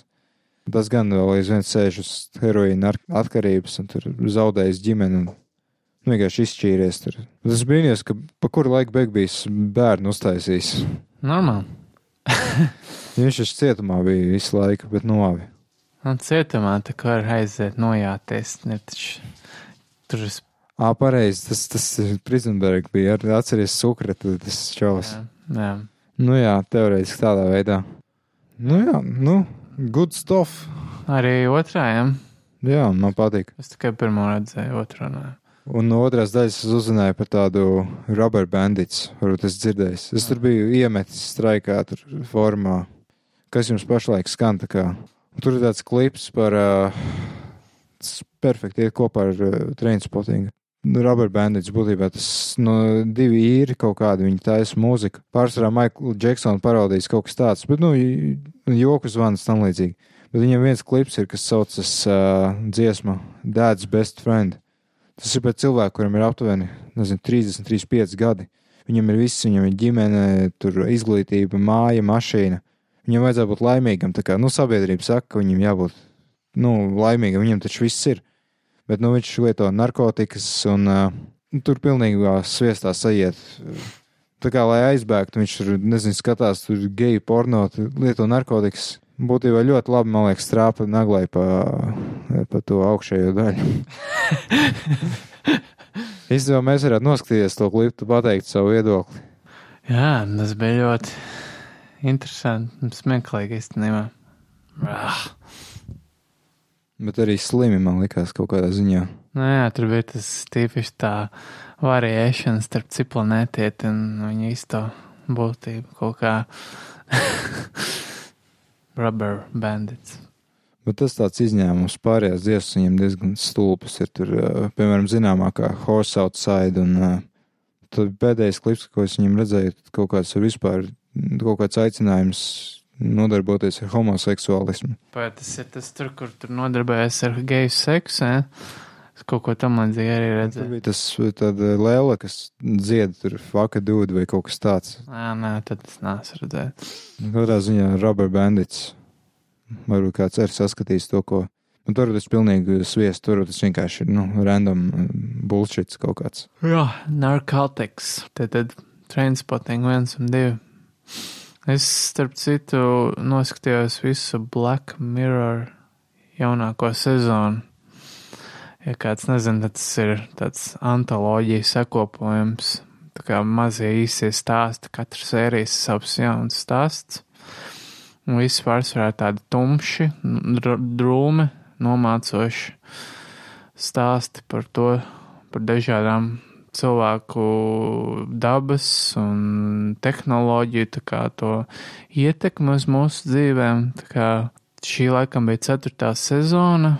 Pirmās trīs sezonas bija tā kā neatkarīgi vai atkarīgi. Es nezinu, vismaz pirmā sezona taisīja Briti kaut kādu neatkarīgu, tad laikam bija BBC un tagad ir Netflix tā kā piesaisties klāt. Tā kā es tev ieteiktu, iesaku noskatīties diezgan interesanti. Vismaz pirmās sezonas ir interesants. Tur pirmā laikam bija sērija, tur, kur uh, Britu premjerministrs kā viņš uzzina, ka ir nolaupīta karalien, karalienes, tur meitas, māsas, tur kaut kādas, nu, kaut kas no karaliskās ģimenes. Un tā kā tas nolaupītais tikai izvirza ultimātu, vai no tu izdarās publiski cūku, vepri, vai arī es nogalinu publiski šo meiteni. Ā, tā kā Deivids Kamerons. Un tad viņš tā kā, viņš tā kā domā, nu, lai viņa mirst, jā, nu, ko es darīšu, es to sev nepazemošu tā, visas Lielbritānijas, visas pasaules priekšā, bet tad viņu tā kā ietekmē tas nu, kāds secret service un vispār sabiedrība. Tā kā, nu, ka viņš būs varonis, ja viņš to izdarīs, viņš izglābs tur jaunas meitenes dzīvību, un no otras puses, viņam piedraud, ja viņš to neizdarīs, tad uh, iznīcinās viņu karjeru, viņu ģimeni, viņš nekad vairs nebūs veiksmīgs, visdrīzākais arī viņu nogalinās, un tā kā viņš no visas tā spiediena to izdara, tā kā izdarāšu cūku, Nacionālās televīzijas priekšā, bet īstenībā tas nolaupītais, viņš tā kā izdara pašnāvību vēl pirms tā cūka tiek drāsta un tā meitene tā kā izskan brīvībā, vēl pirms vispār tiek translēts, un neviens nezina, jo visi skatās mājās tā kā viņš drāž to cūku, nu vismaz gatavojas, un tikmēr viņi skrien pa Londonas ielām, un, un, un, un viņš to izdara, viņš tā kā pēc tam tiek uztverts kā varonis, bet īstajā dzīvē viņa visa ģimenes dzīve ir pilnīgi sačakarēta. Sieva no viņa novēršās, neguļ ar viņu vienā gultā, un viņš tā kā turpina dzīvi kā salauzts vīrs. Mm. Un tā ir pirmā sērija vispār šim sezonam. Vispār, un, tā, un katra sērija ir pavisam cits stāsts, nesaistīts ar iepriekšējo. Un, jaunā sezona arī turpina to, bet tur var redzēt, ka ir tāds amerikanizējums noticis, vairs nav tas britišs, tas, tas atjautība un tā. Tur jau vairāk amerikāņu režisori iesaistās, un, un ja godīgi jāsaka, tad jaunākā sezona nav tik laba kā iepriekšējās. Tur jau tiek atrunāts tās pašas tēmas, kas bija iepriekšējās sezonās, un jā, tā kā liekas tāds atražojums drīzāk tā, lai apmierinātu fanboys. Bet pirmās trīs sezonas iesaku jebkuram noskatīties. Vismaz viena sērija no tām visām liks padomāt par kaut ko, jo tur dažādas tēmas ir. Sākot ar cūku drēšanu un beidzot ar mākslīgo intelektu un, un bērnu, bērnu pornogrāfiju.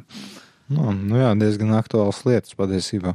Nu jā, tā kaut kā. Uh, Jā, bet to cūku ņemšanu izrādās, ka tas bijis kaut kāds iesvētības rituāls vai kas tiem Ītonas koledžā vai kur tiem, nu, tiem ākstiem, kas pie varas Anglijā. Jā. Nu, vismaz Davidam Kameronam bija. Interesanti. Varbūt tā ir atsaucis uz to. Droši vien.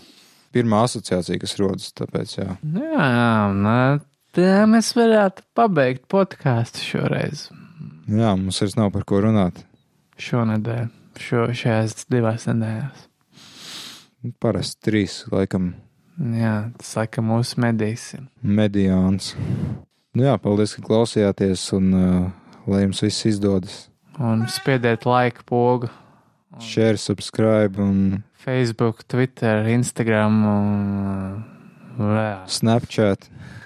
Sn snapojiet mums savus erotiskos piedzīvojumus. Man sauc Your Boy 99. Adios! Amigos!